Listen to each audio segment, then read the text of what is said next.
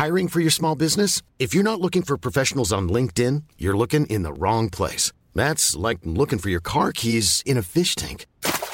LinkedIn helps you hire professionals you can't find anywhere else, even those who aren't actively searching for a new job but might be open to the perfect role. In a given month, over 70% of LinkedIn users don't even visit other leading job sites. So start looking in the right place. With LinkedIn, you can hire professionals like a professional. Post your free job on linkedin.com slash people today. Hey, I'm Ryan Reynolds. At Mint Mobile, we like to do the opposite of what Big Wireless does. They charge you a lot, we charge you a little. So naturally, when they announced they'd be raising their prices due to inflation, we decided to deflate our prices due to not hating you. That's right. We're cutting the price of Mint Unlimited from $30 a month to just $15 a month. Give it a try at mintmobile.com slash switch. $45 upfront for three months plus taxes and fees. Promote for new customers for limited time. Unlimited more than 40 gigabytes per month. Slows. Full terms at mintmobile.com.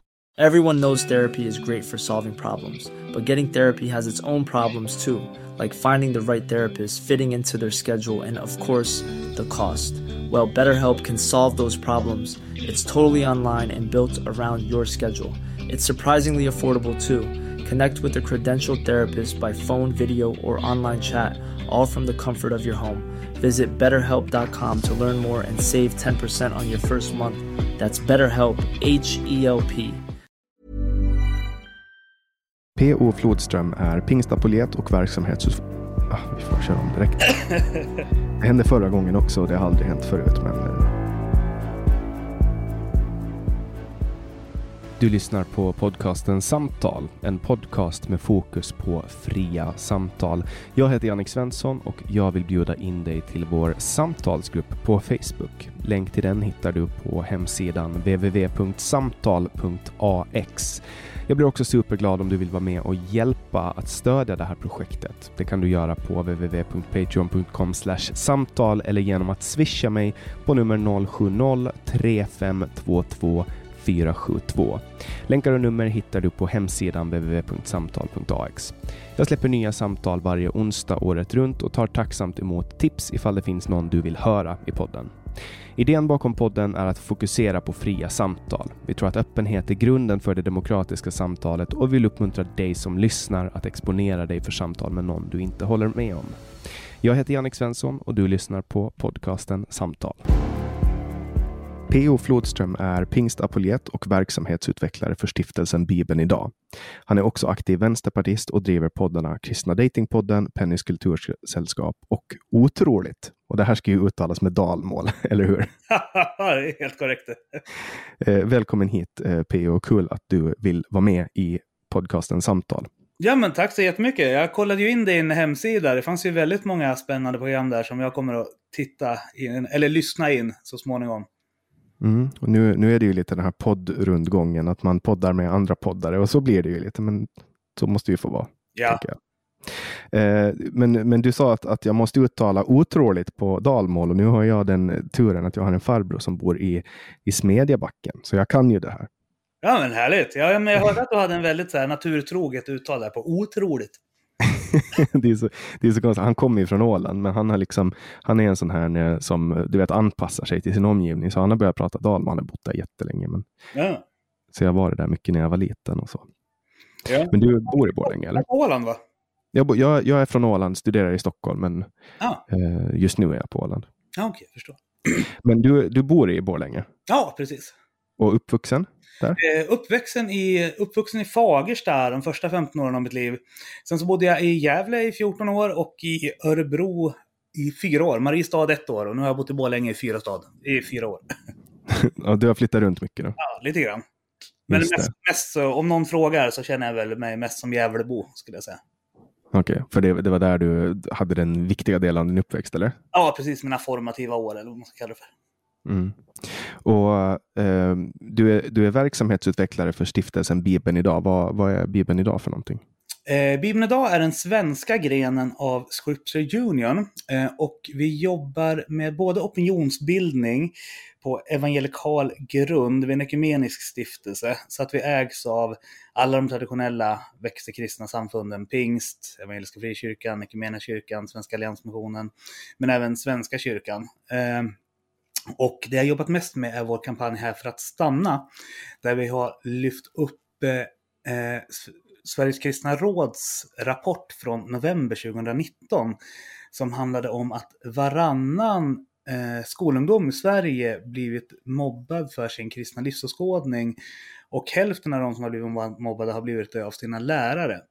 Så att då ville vi lyfta upp det och uppmärksamma det i en liten påverkanskampanj som heter Här för att stanna. Där vi även tittat lite grann på vad det är som gör att de traditionella frikyrkosamfunden tappar så många av de ungdomar som växer upp i dem.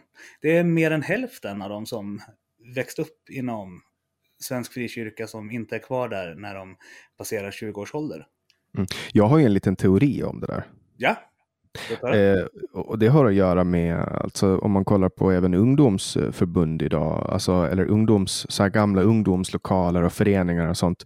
De håller ju också på att dö ut för att, för att folk, ut, alltså, folk har utvecklat nya arenor att mötas på. Förut var det ganska naturligt att gå till en förening eller någon lokal och, och hänga. Och nu gör man det på nätet istället. Så jag tror att det är en så ganska naturlig evolution av bara att vi kommunicerar på andra sätt. Mm, det har jag ju inte märkt, inte minst med Ung Vänster också.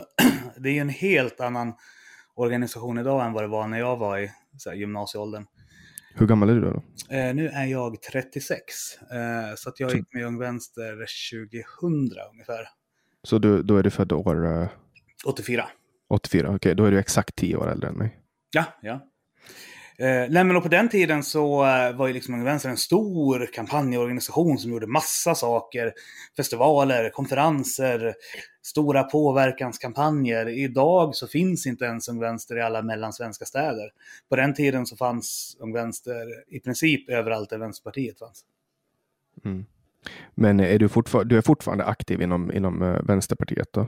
Ja, fast inte alls på samma sätt längre som för 10 8-10 år sedan då jag jobbade för partiet som politisk sekreterare eller ombudsman som det heter. Nu för tiden så är jag mer av en gräsrotsaktivist. Jag har en ersättarplats i kommunfullmäktige i Bålänge och en ersättarplats i, eh, i styrelsen för Vänsterpartiet Bålänge, men inget mer än så. Mm. Vad tänker du om det här senaste utspelet då från uh, Ung Vänster där de, där de satt in i sitt principprogram att de är kommunister? Alltså har de satt in det i sitt principprogram?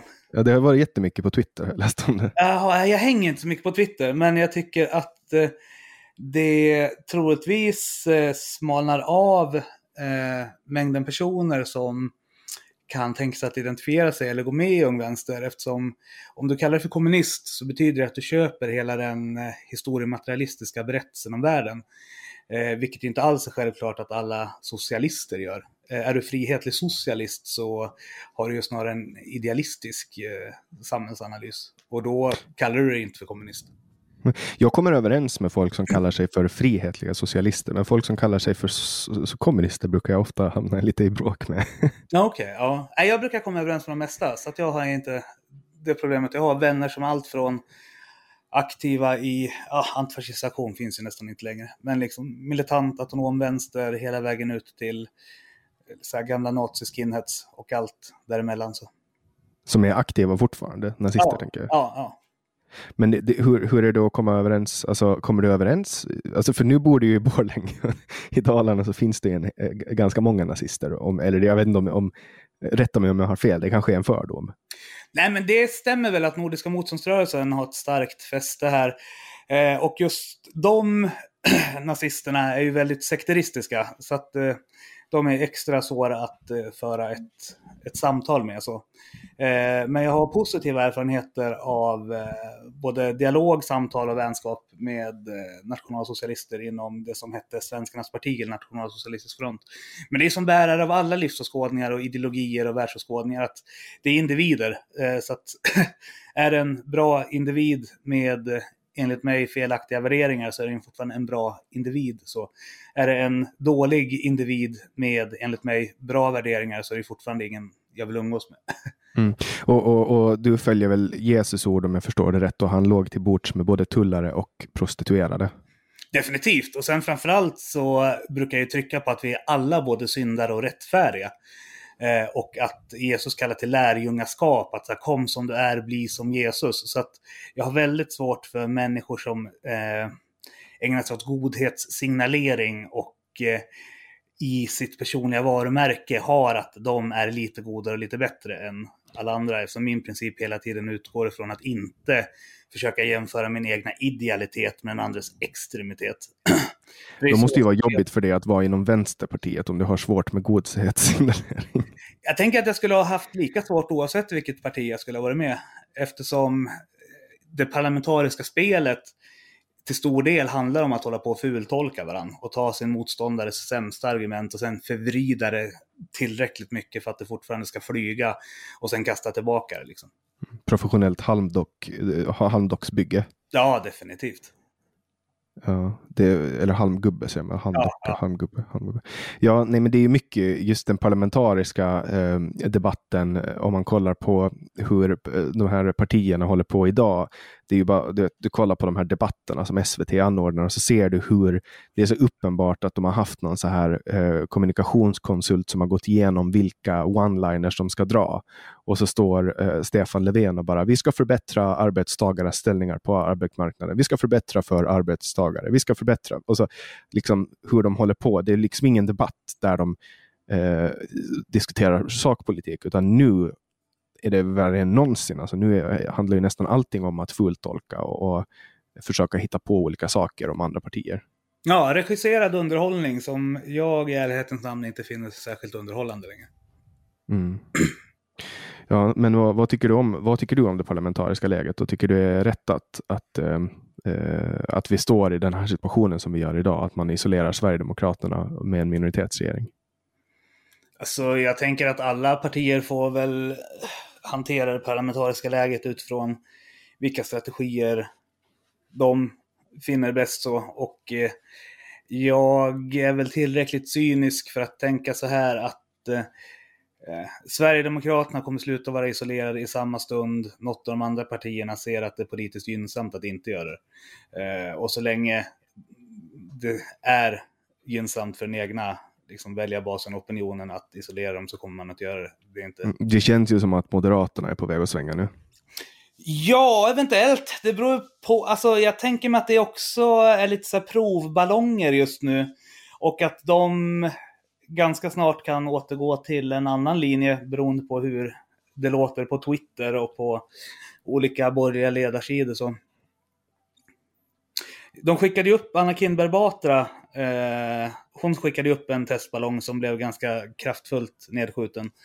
Och då backade ju partiet igen eh, på frågan om samarbete med ett eh, nationalkonservativt parti.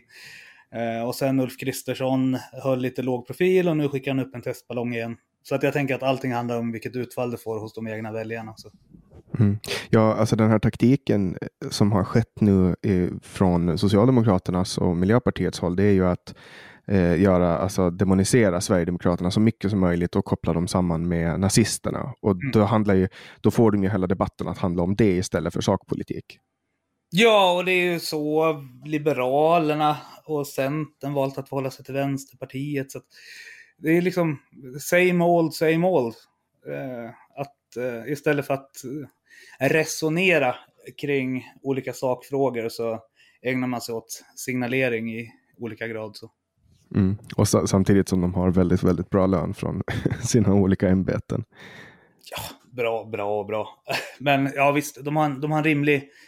Eller jag tycker att politiker har en ganska rimlig lön utifrån eh, vilka krav som ställs på en högt uppsatt politiker. Så. Men sen får vi komma ihåg också att det är bara... Jag, tror jag, jag var inne och kollade i SCB. E eh, det sitter 349 politiker i riksdagen och sen så finns det kanske 500-600 kommunalråd som har den här lönen på 67 500. Resten av landets 60 000 politiker eh, går i back på sitt politiska engagemang. Mm, ja, alltså kommunpolitiker och så vidare. Ja. Vad får ni per möte? Är det 200 kronors arvode eller något sånt? Varierar jättemycket. Eh, Gävle kommun har ju ganska bra arvoden, så där får du inkomstbortfall plus riksdagsarvode. Så då får du eh, motsvarande en halv dag för fyra timmar och motsvarande en hel dag för åtta timmar. Men här i Bålänge till exempel så får du 400 kronor och inget inkomstbortfall ifall du ersätter. Så mm. då får du back. Ja, så du måste skatta på det också? Ja, ja, ja. Ja, Ja, nej, men det är alltså kommunpol kommunpolitik är ju så som politik bör vara. Den ska vara frivillig och drivas eh, med hjärtat. Liksom. Så tänker jag i alla fall. Mm, mm. Eh, att proffspolitik, det blir, det blir som på en annan nivå. Eh, där, där det mera handlar om att bli omvald än att, än att eh, faktiskt genomföra eh, vallöften. Ja, att så här, individer blir ganska så här, skraja. Jag hörde ett program som du gjorde med Monica Roll, tror jag, där du pratade om att du hade problem att få eh, kvinnor från vänsterkanten på grund av att de var rädda att uppfattas som representanter för hela sin organisation. Så. Eh, och jag tänker att den där rädslan spänner ju över hela fältet, liksom, oavsett eh, kön eller om det är höger eller vänsterpolitiker. Så, vilket gör att politiker ofta blir skitnödiga och säger tillrättalagda saker. Mm. Ja, det vet jag själv. Jag var ju fast i, i PK-träsket ganska många år. Hälften av min, jag har varit eh, politiskt engagerad i över tio år då, eh, i, inom Liberalerna på mm. Åland. Och sen, jag har nyligen bytt parti då, till ett obundet parti. Eh, med, med höger, eh, vad kan man säga, högerpolitiskt typ. Men eh, under, under halva min tid, i, eller mer än halva min tid inom Liberalerna, så var jag väldigt PK-skitnödig. Och vågade inte säga det jag tyckte. Mm. Men eh, sen liksom gjorde den här frigörelsen gjorde att jag till sist då lämnade, lämnade partiet. Mm. För att jag orkar inte med den här Alltså jag orkar inte med att alltså, hålla på med andras idéer. Mm. Och föra fram, försvara andras idéer som jag egentligen inte tycker om. Mm. Även om det skulle gynna mig mer och stanna kvar, alltså personligen så skulle det gynna mig bättre. Mm. I det långa loppet. Ja. Nej, men det är ju ett skäl till att inte jobba som ombudsman för ett parti. För att då ses du som representant för det partiet hela tiden. Mm. Det stora problemet som jag har sett med att podda, eh, just det, det här med vänster, kvinnor som vänstern är jättesvåra att få med. För att uh, alla säger olika, men folk menar så att de blir kollektivt påhoppade av högertroll och sånt. Mm. Hatsvansar. Och, och, och det är ju, alltså, om det är så, så är det ju jätte, jättetråkigt. Men, men jag, tror det, jag tror att det kanske är så för alla offentliga personer. Alltså, jag har ju alltid varit så privilegierad att, eh, eller så är det det att jag inte identifierar det som påhopp. Men de som skriver konstiga saker till mig, det är så här random galningar liksom. Alltså, jag, jag, jag får ju inga så här personhot eller så, utan det är att folk skriver så här knasiga saker. Eh, och då det, det, är ingenting som berör mig, men det, det kan ju vara för att jag är man också. Att, eh, eller att jag liksom har en politisk plattform där jag är vän med människor längs hela skalan. Vilket gör att jag inte drar till mig liksom, de värsta trollen. kan man mm. Jag har svårt att spekulera i vad det beror på. Jag upplever ändå att det har blivit lite bättre nu. För att nu finns det så mycket olika, um, alltså olika plattformar som man kan röra sig på. Så att nu till, till exempel de som, de som avskyr det jag gör, mm. de lyssnar inte på min podd. Uh, för de kan lyssna på andra poddar. Mm. Så att på det sättet hade det blivit lite bättre. Men det var ett tag, alltså för kanske två år sedan, när, när den här polariseringen var vidrig. Alltså speciellt runt riksdagsvalet. Det var inte okej, okay. alltså det som hände då i sociala medier. Mm. Om du minns. Jag brukar säga att det stora förfallet kom ju någon gång kring 2010 när folk fick ryggdunkar av att de skrev statusuppdateringar om att ifall du röstar på det eller det partiet så kan du ta bort mig som vän. Eh, Mm. För det fördummade hela den liksom, offentliga diskursen. Eh, det gjorde att vi blev korkade, för vi gav varandra positiv social bekräftelse för att vara intoleranta mot varandra. Ja, ja, och där var ju också Jan Elin var ju väldigt drivande i den här Rör inte min kompis-kampanjen, eller Vi gillar olika. Det härstammar ju från Rör inte min kompis. Men den här handen Vi gillar olika som han launchade ut med Aftonbladet och sen tillät han inte att um, eh, Sverigedemokraterna annonsera i Aftonbladet. Så att det gjorde också att det blev en ganska stor polarisering som gynnar Sverigedemokraterna väldigt mycket. Så för oss som inte gillar Sverigedemokraterna men som ändå är toleranta så var ju det här inte så bra. Sen vill jag ifrågasätta hela påståendet om att vi svenskar gillar olika. Alltså svenskar på gruppnivå, majoritetskulturen. Så. Ja, det gör man ju verkligen inte. Nej, alltså på vilket vis gillar vi olika? Alltså, vi, den svenska majoritetskulturen har svårt att acceptera eh, hel svenska pingstvänner. Så att eh, med så här relativt majoritetskulturellt kodade värderingar, eh, Eh, så i vilken, eh, vilken grad är det vi gillar olika egentligen? Alltså vi gillar att exotifiera andra kulturer. Men vi, sku, vi skulle ju inte alls gilla ifall de blev liksom interaktiva subjekt i det offentliga rummet. Ja, men det är väl alltså om man åker ner till, till Marocko eh, så är, är det inte alls osannolikt att man blir hembjuden och får bo hos någon. Eh, de släpper in en som gäst och, och man får, du vet, mat och, och så. Eh, det är ju inte jättevanligt att svenskar släpper in turister i sina hem och låter dem bo på soffan och lagar mat åt dem. Nej, då skulle vi säga att vi gillar gästfrihet då. Men vad är det för olikheter som vi menar att vi gillar? Jag menar, eh, normen någonstans eh, socialt, även ifall jag personligen försöker gå emot den, det är att vi söker oss till människor som tänker och tycker och ser ut ganska mycket som vi. Ja, det är därför vi har politiska partier. Vi söker oss till folk som gör det som vi gör. Ja, och det, är, och det är därför vi har massa olika kristna samfund också. För att pingstvänner tycker det är roligare att hänga med pingstvänner än med Svenska Missionsförbundet. Liksom. Mm, så det, det kokar ju ner till, sist och slutligen så kokar det ju ner till utseende. Jag antar att, att, att de menar att det har med utseende att göra då. Ja, att vi gillar att människor ser olika ut. Ja, ja men alla ser ju olika ut för att alla har ju ett eget DNA liksom. Ja.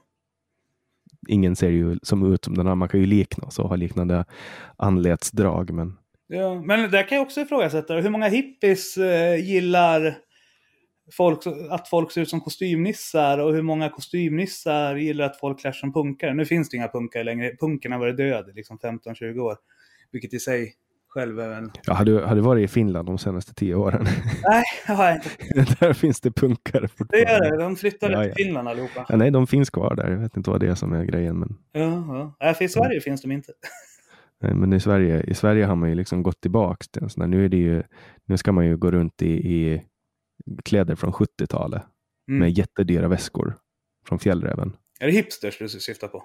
Ja. ja, okay, ja. De, går till, de går till, man tror att de handlar på, Myrorna, men egentligen handlar de på någon hipp butik inne på, alltså på Hornsgatan som säljer jättedyra kläder. Mm. Så här gul, gulbruna eh, byxor och mörk, eller mörkgröna och gulbruna byxor från 70-talet, men som egentligen är helt nya. Ja, och det där är väl också en tendens då på att det är mest en from floskel, det här om att vi gillar olika och vi tror på alla människors lika värde. Det blir en helt egen diskussion, vad det här med att tro på alla människors lika värde egentligen betyder. Men det här med att vi gillar olika, det stämmer ju inte. Alltså alla subkulturer tenderar ju att se att så här, börja klä sig ganska likadant. Oavsett ifall det är Vänsterpartiet eller Pingstkyrkan eller Moderata ungdomsförbundet jag vet inte hur det är med förbundet Humanisterna ifall de klär sig likadant, så jag ska inte uttala mig om dem. Jag tror, jag tror inte att de, att de gör det. Mm. Men det är, bara, det är bara att kolla på, det finns ju absurda kulturyttringar som när jag var liten, uh, då var häng en grej. Det, kan, det var säkert när du gick i högstadie. Hiphoppare. Uh, ja, att man hade häng, visa rumpan, visa kalsongerna. Ja, ja det är så här, hur, hur blir det ens en grej? Alltså, det måste ju vara någon som har glömt att ta bälte på sig som folk tycker att det är häftigt eller som har inflytande och sen börjar folk imitera det och till sist så fanns det liksom speciella kalsonger eh, för häng. Alltså, jag har för mig, nu eh, tjej gissar jag, men jag har för mig att eh, det är någon trend som kom från amerikanska gangsterrappare. Eh, och att det hänger ihop med så här fängelsemode. Det är det här med att ha fickorna ut och in också. Att du är eh, liksom undergiven och liksom längst ner i rang.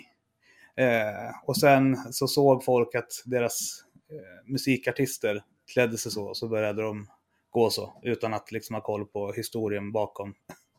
Så egentligen så var det, de visade att de hade låg rang så att de lätt skulle kunna bli våldtagna i fängelse. Ja. Och så blev det en cool kulturyttring. Ja, precis. Det, det, låter, ja, men det låter ju ungefär som hur ett mode föds. Mm -hmm. Jag vet inte, det finns ju jättekonstiga moden. Alltså på 30-talet var det ju hattar som var grejen. Ja. Det skulle inte vara ganska trevligt om det kom tillbaka, så att alla höll på med olika hattar. Alltså man, man blir så fet i håret, men jag hade ju hatt under slutet av min tid som punkare när jag började tröttna på att ha gelatin och vax i håret varje dag. Eh, började köra en sån här Staton-hatt för att bryta av lite mot... Mm. Jag har ju, jag har ju, nu har jag börjat låta håret växa. Jag, jag, har, jag är 27 år nu eh, och tänker att nu, nu börjar mina tonår, så nu håller jag på att låta håret växa ut och det är ganska skönt. Från att ha liksom duschat håret varje dag och stått och fixat det med, med borste och vax och hårspray till att liksom kunna duscha varannan dag och bara stiga upp och lägga det i en knut. Det är jävligt skönt. Ja, ja, ja men det... Jag tror det. Mm. Idealet är att komma upp i att man kan, du vet, fuck it, raka bort allt. Mhm. Men du ska inte prova att köra lite tuppkam eller dreads då, ifall du ändå sen tänker raka av det? Då är det perfekt läge att prova hur du skulle passa i dreads. Ja, alltså, jag, är- jag är väldigt öppen. jag, jag, tror, jag tror inte att det skulle passa min eh, personlighet jättebra, men det är inte omöjligt. Det är väl bara, för att skaffa dreads, det enda man behöver göra är väl att sluta bry sig om det. Typ. Men ja, ska du ha snygga dreads så ska du ha någon som sitter och virkar dem åt dig. Men tänk så här, hur många borgare känner du som har dreads? Bara det är ju liksom ett skäl nog för att du borde skaffa det. ja, det är faktiskt inte supermånga. Jag- Jag känner en kille med dreads eh, som jag umgås eh, en del med. Eh, och han, eh, ja, han är ju inte borgare. Eh, inte uttalat i alla fall, men Mm, mm. det, det kommer ju ofta med att man har en, alltså för att det är ju ändå en så stark kulturell markör så att man, man visar att man har vissa, um, vissa, vad ska man säga, att man har en värdegrund som stämmer överens med mainstream i den kulturen. Ja, alltså så här, en miljöpartist är nog det mest borgerliga jag sett med dreads. Annars så är det en frisyr som rör sig vänsterut. Liksom. Ja, det är det. Men eh, du, du har inte rockat dreads då? Nej, jag, har eh, alla, jag hade långt hår en gång. Men sen så var det ett modemagasin som frågade ifall de fick göra om mig. Så att då tog de bort det. Och sen så orkade jag aldrig spara ut det. Mm. Ja, nej, jag, jag, jag började på en, en eh, uh, idrottsfolkhögskola eh, nu i höstas. och det som hände där var att alla gick runt i träningskläder hela tiden. Och jag har alltid haft liksom skjorta eh, som arbetskläder. Eh, så i början hade jag skjorta på mig och så var det ett om, alltså bytte om hela tiden. Och sen slutade det med att jag hade på mig träningskläder till skolan. Eh, och sen, slu, sen slutade jag fixa håret för jag blev ändå svettig. Och sen fick jag inte gå till frisör på grund av corona och min frisör bor på Åland. Mhm. Så sen blev det bara eskalera och nu är håret långt. Okej. Men, men på tal om hår, eh, Amanda Lind får ju väldigt mycket kritik då, kulturministern, för att hon har dreads. Tycker du att det är rimligt att man Åh, kritiserar egentligen. Kulturell appropriering. Alltså vad är det för dumheter? Alltså hela idén är ju helt absurd. Alltså i eh, ena stunden så pratar vi om att eh, Återigen det här med att vi gillar olika och eh, bejakar mångkultur och att vi tycker om influenser från eh, många olika håll och att vi ska integreras med varandra och ta positiva influenser av varandra. Eh, och, och, och, och, sen, och sen så börjar vi hitta på en massa nya begrepp för kränkthet när någon gör det. Som Amanda Lind då, Som då eh, har tagit inspiration från den frisyr som är vanlig på Jamaica. Och då ska inte hon få ha, alltså så här, eh, skulle vi anklaga, blir det rimligt att anklaga till exempel då syriska flyktingar som börjar gå omkring i jeans och t-shirt för att de kulturellt approprierar eh, svensk majoritetskultur? Eller är det rimligt för mig att bli lack på dig för att du börjar käka curryrätter? Eller eh, vad, vad, vad mer kan vi hitta på som är indiskt? Jag vet inte vad vi kan bli arga på. Nej, men alltså, jag vet, Det är, ju- det är, ju, det är ju, jag tycker det är jättekonstigt. Hon får väl ha det om hon vill. ja, men, men ta någonting indiskt. Ko- vad, vad, vad är liksom så här riktigt kulturellt signifikant för Indien? Man är snäll med kor. Ja. Ja, Man men- låter dem stå på vägen. Ifall du, ifall du skulle bli hindu och så ut och käka kor. Skulle du kulturellt ha approprierat mig då? Eller om vi tar någon annan identitet som är starkare hos mig då? Så här, identiteten som pingstvän. Eh, vad- vad, förknippas vi med? Vi, eh, Ni går runt och kastar heligt vatten på folk. Nej, det är katoliker. Men, eh, Ja. men, men ifall, ifall du nu skulle göra det. eh, Så, så nu är jag inte katolik, men, men jag har svårt att Ja, tänka. men ni går runt och spelar musik med gitarrer och sjunger. Ja, ja. ja. Det, det gör ni väl? Ja, ja, absolut. Det gör vi.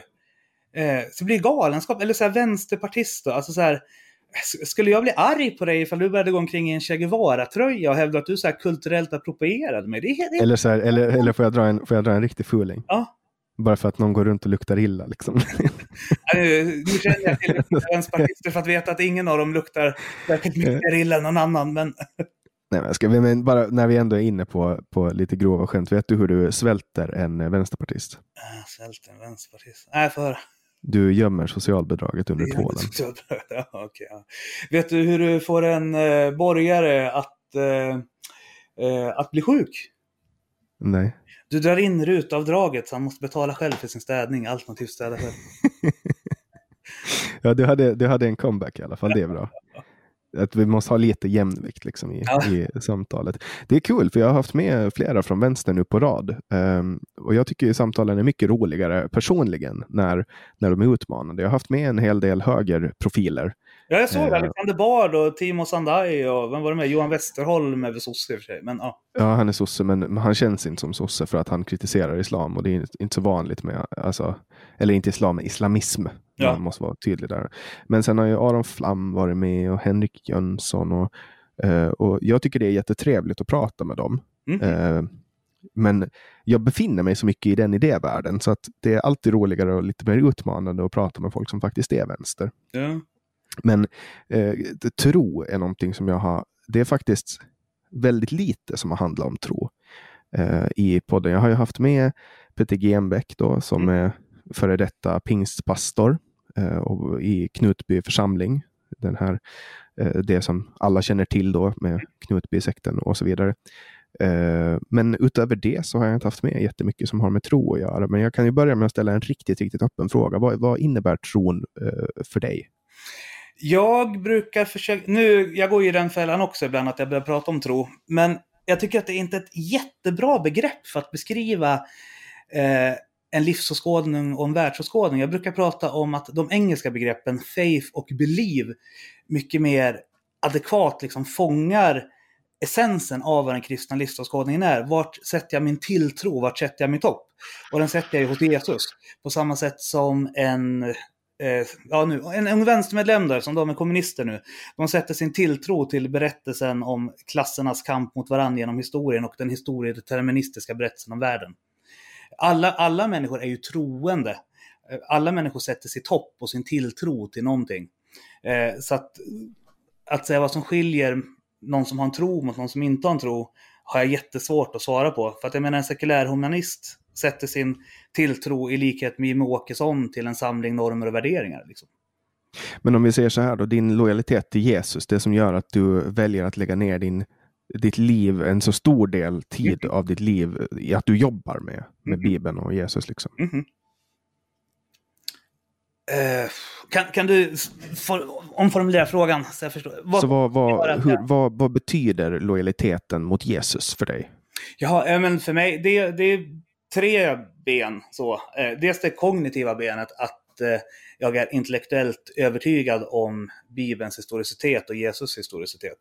Att jag finner det som den mest rimliga hypotesen att eh, evangelistförfattarnas återgivelse av det som hände är det som hände. Eh, och sen den emotionellt andliga delen är att jag har genom olika epoker av mitt liv eh, känt en stark närvaro av den heliga ande i mitt liv genom olika tuffa, både tuffa och glädjerika eh, livsepoker. Så. Eh, och den sociala delen, att eh, min erfarenhet är att människor som delar det kristna hoppet i slutnotan, alltså så här, genom livets toppar och dalar, ändå bär på en större grundtrygghet och en större grundlycka än människor som söker den tryggheten på andra håll. Och det finns det ju bevis på. Det finns ju studier som visar att folk som tror på någonting eh, har mindre ångest. Eh, och jag lutar mig mycket mot det. Eh, när jag har valt jag har ju valt min tro, liksom. Okay. Eh, vad, jag, vad jag vill tro på.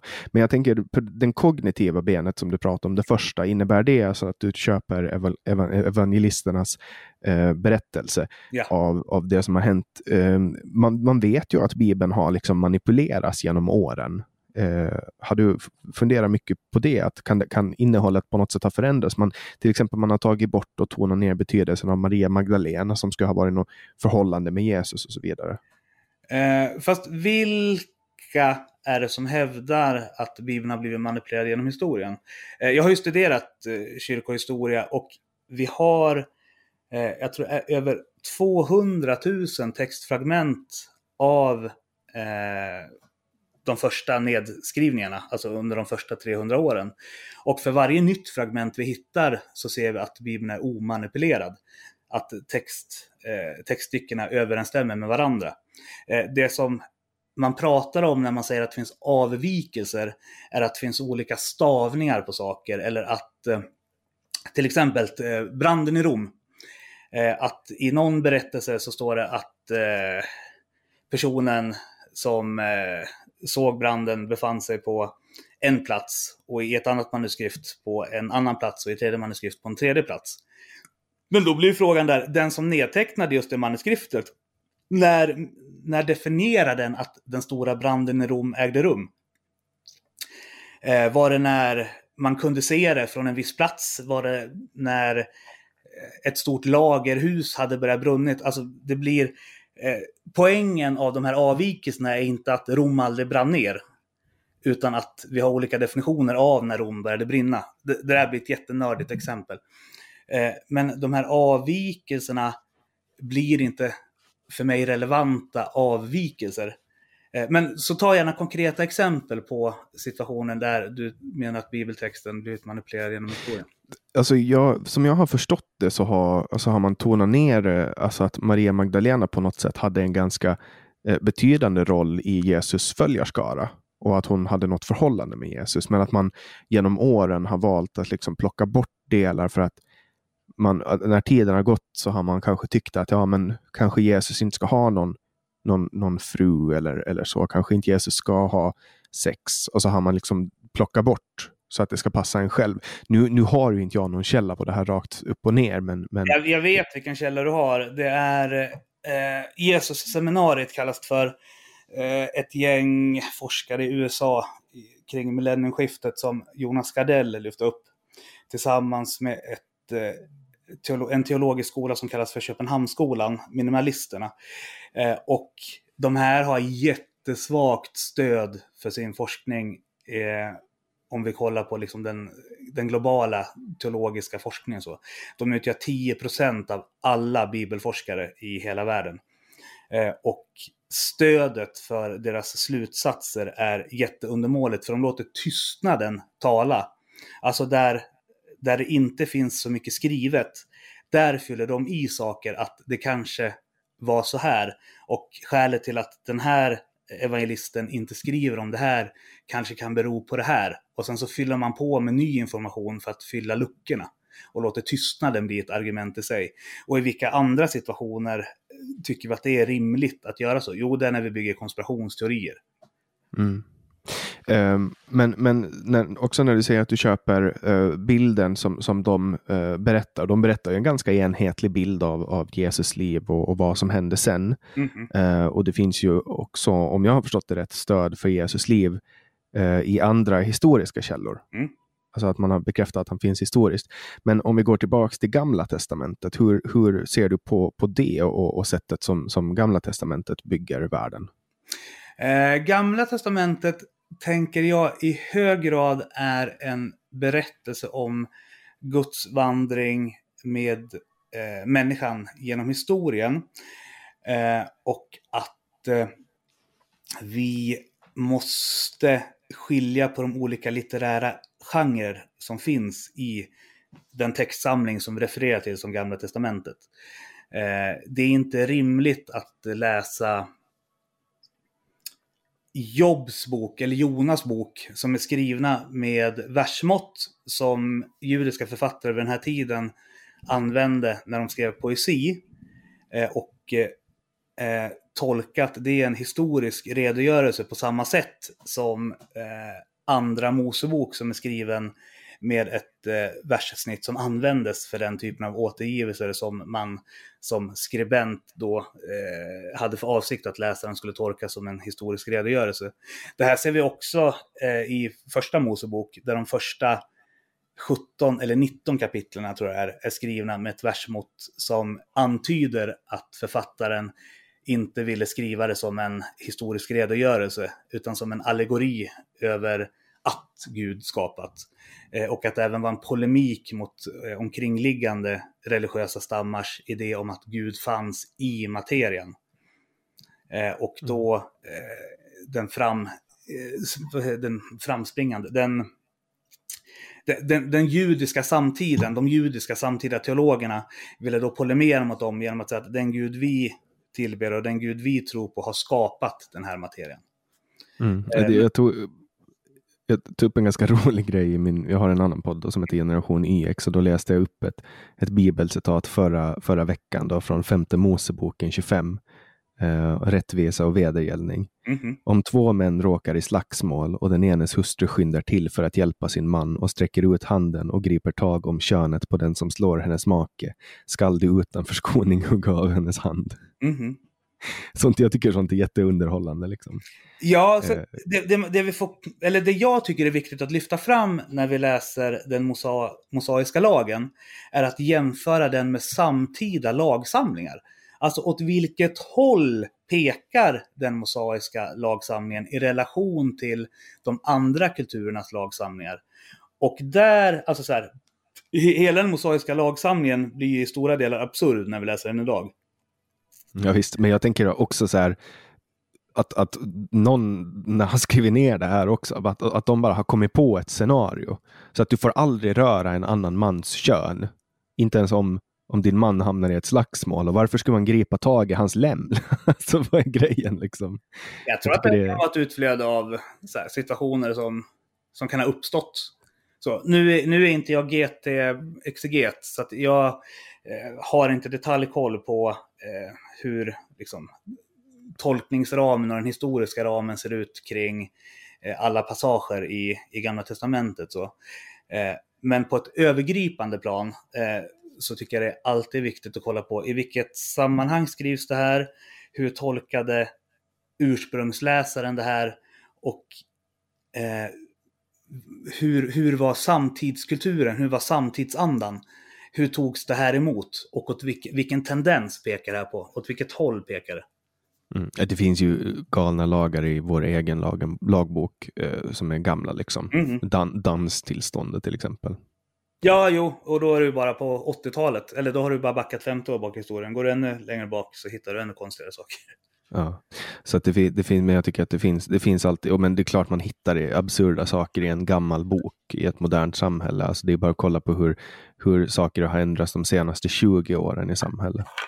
Ja, det är därför jag tycker det blir lite absurt också när vi i lite för hög grad börjar säga att ja, men Adam Smith sa, John Stuart Mill sa, Marx sa, eh, Engels sa. Alltså, ja, det, är så, det är gubbar som levde för 200 år sedan. Alltså, jag vet inte. Det är såklart att det är intressant utifrån hur, den, hur samtiden såg ut, hur de analyserade sin samtid. Och vad av det eh, som liksom hur historien kan gå igen. Men att försöka att, att tänka sig att så här, Marx skulle ha någonting jätteviktigt att säga våran samtid, vår samtid blir för mig lika absurt som att hävda att Adam Smith eller John Stuart Mill skulle ha Mm. Ja, då ska han prata om kommunismens spöke och så ska han prata om, om, om hur sökmotoroptimerare runt i världen ska förena sig och sånt. Ja, ja, jag vet inte vad man skulle kunna landa i. Men eh, du är ingen, det, det, låter inte som att du är en så här Marx-anhängare. Marx-anhängare? Jag, vet, inte, jag tycker det blir märkligt att säga att man är anhängare till en professor för 200 år sedan. Det är så här, det är samma sak som inom teologin, att eh, hävda att du är anhängare till en enskild teolog eller en enskild exeget. Det är såklart att alla vetenskap, eller alla, men många vetenskapsmän har sagt så här, smarta, intelligenta och så här, kommit med nya upptäckter i sin samtid. Men det handlar om att så här, kolla på eh, vad betyder det i den här kontexten där den här kunskapen växte fram och hur kan vi ha någon glädje av den i den här annorlunda miljön, alltså omadressering till vår samtid. Mm. För jag, jag kan ju ändå påstå att jag är anhängare till vissa filosofer eller eh, anhängare till folks teorier, alltså Mises teorier om om marknaden eller Milton Friedman. Förstår du? Alltså att, man har, att jag kan liksom kalla mig anhängare av deras idéer för att jag tror att de idéerna är bra och vettiga. Om, om jag skulle hävda att du snarare är inspirerad av dem än att du är anhängare till en enskild person så. Du inspireras av John, eller vad hette han, Milton Friedman? Ja, ja, jo, eh, jo, ja. Uh, eller det är, väl, det är väl inte anhängare till dem, men anhängare av deras teorier. Mm. Att jag på något sätt, men, men där, där jag vet inte, man, man brukar väl prata om anhängare till Jesus. Ja, jo, men det är för att vi tror att Jesus är, är Gud. Det, Ja. det blir en annan sak för mig. Ja. Alltså på samma sak som vi är anhängare av Gud eller efterföljare till Gud. Mm. Ja, eh, alltså Jesus är ju världens kändaste person. Någonsin. Och man Fråga räknar... Zlatan ifall han håller med om det. eller Beatles på 60-talet. Så här, 67 eller 68 sa John Lennon att vi är mer kända än Jesus och då börjar folk elda Be- Beatles-skivor. Eh, men, men han är ju det. Alltså, så här, det är bara att kolla på det. Största delen av världen räknar tiden från att Jesus föddes. Liksom. Mhm. Han har väldigt stort inflytande. Och, men men eh, hur är din relation till Jesus? För jag utgår ju från att du anser att Jesus lever fortfarande. Eh, även om inte liksom, den fysiska kroppen finns kvar. Hur, hur är din relation till Jesus? Eh, hur min relation är? Alltså, jag ser ju Jesus som hela världen och universums skapare eftersom jag tror på den treenige guden. Eh, Jesus, Fadern och den heliga Anden eh, som uttryck för samma gudom. Eh, min personliga relation, alltså i bönespråk, eh, det här blir jätteteologinördigt nu, så att jag vet inte hur länge vi ska fastna nu. Där har jag svårt att veta, är det den heliga ande som jag kommunicerar med nu? Eller är det Jesus som kommunicerar nu genom den heliga ande? Eller är det hela gudomen som eh, kommunicerar i ett med, med oss människor som söker den gudomen genom bön? Ja, svårt att veta. Men jag uppfattar att jag har en personlig relation med den gudom som Jesus är en del av eh, treenigheten till. Mm. Eh, hur kom du i kontakt med, med den kristna tron? Hur jag kom i kontakt med den. Eh, jag är uppväxt i Svenska Missionsförbundet, eller i en familj och en släkt som eh, var engagerade i Svenska Missionsförbundet. Eh, när jag började komma upp i mellanstadiet så började jag tycka att eh, eh min mamma, mormor och morfars eh, kristna utlevnad var lite, lite tråkig och lite mossig så. Eh, så att då ville jag börja hänga i pingstkyrkan istället för att jag tyckte att de var lite mer hippa och att det var lite mer konkret och lite mer på riktigt så. Eh, och där hängde jag upp till 15 års ålder. Någonstans kring 13-14 började jag hänga i Svenska kyrkan också. Eh, och eh, sen skedde en flytt till Gävle. Där eh, olika sociala faktorer gjorde att jag kom inte in, eller jag tog mig aldrig till, till pingstförsamlingen i Gävle utan började hänga med Mung Vänster istället. Eh, sen eh, så hängde, alltså så här, majoriteten av min formativa period så spenderade jag utanför kyrkan i vänstermiljöer och i kulturmiljöer. Jag jobbade mycket som DJ och bartender och festivalarrangör inom den sekulära världen. Så. Eh, men jag hade fortfarande en, en, en kognitiv övertygelse om att den kristna livsåskådningen föreföll mest rimlig och rationell i relation till andra livs och världsåskådningar. Men kring 2010 så gick hela min familj bort i cancer samtidigt. Mamma, mormor, morfar, hund. Eh, och jag hamnade i en livskris eh, där jag började med droger och utvecklade en alkoholism och så. Och det var inte så konstigt eftersom jag jobbade i en krogmiljö där det liksom var fest hela tiden. så. Eh, men jag kände hela tiden i det här mörkret någonstans att så här, innan det blir för farligt eller för destruktivt så kommer Gud att gripa in. Eh, och det hände också sen efter att det här hade pågått i ungefär ett, ett och ett halvt år. Eh, att jag fick en utmaning. Det var på kyrkomötet i Uppsala där jag hade blivit invald genom Vänsterpartiet. Fick en eh, uppmaning om att jag skulle hålla i avslutningsandakten. Eh, och eh, det var jag inte alls en sugen på. För jag hade dessutom börjat utveckla social fobi så som man kan göra ifall man röker en två gram hasch om dagen. Liksom. Och då var du, du var alltså fortfarande aktiv då? Ja. missbruk?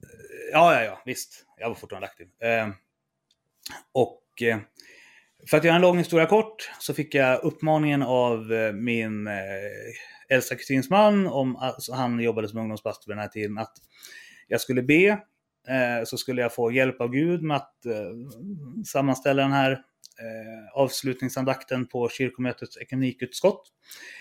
Eh, och Eh, jag tyckte det var jätteflummigt för massa folk hade dött, för, eller dött, hade bett både för mammas cancer och för mormor och det hade skickats bönedukar och det ena med det tredje. Så. Men jag tänkte, ja vad ska man göra? Eh, så att jag körde på det. Eh, och utan att jag riktigt vet hur det gick till så fick jag till den här avslutningsandakten. Och när jag höll den, jag hade dessutom jätteont i kroppen för jag var så spänd och stressad och så här, hela min tillvaro var bara mörk. Så kände jag hur en varm våg gick genom hela kroppen och hur eh, den här spänningen lyftes ur mig så.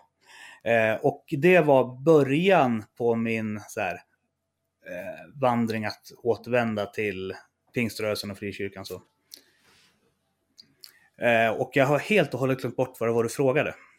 Eh, ja, alltså hur eh, din, det hade någonting att göra med hur det, ditt engagemang med kyrkan och Jesus. Ja, just det. Jo, men det var, det var där då kring kyrkomötet hösten 2011 eh, som eh, det, mitt moderna engagemang så väcktes.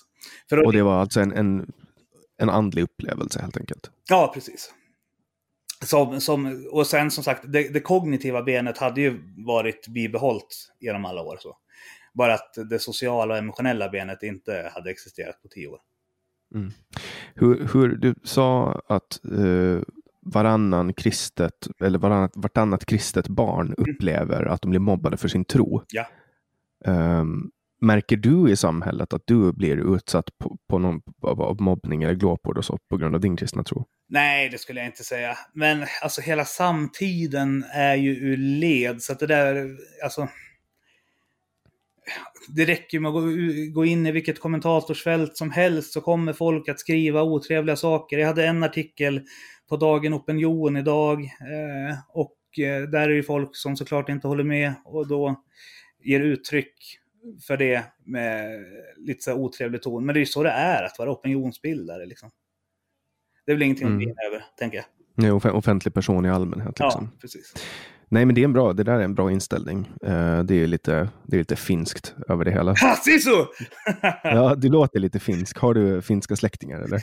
Nej, det har jag väl inte, men eh, två av mina bästa vänner är finnar. Eh, så att eh, det, den ena av dem har jag haft som inneboende länge, Tommy Metenen. Han är en riktig sån här ur, urfinne.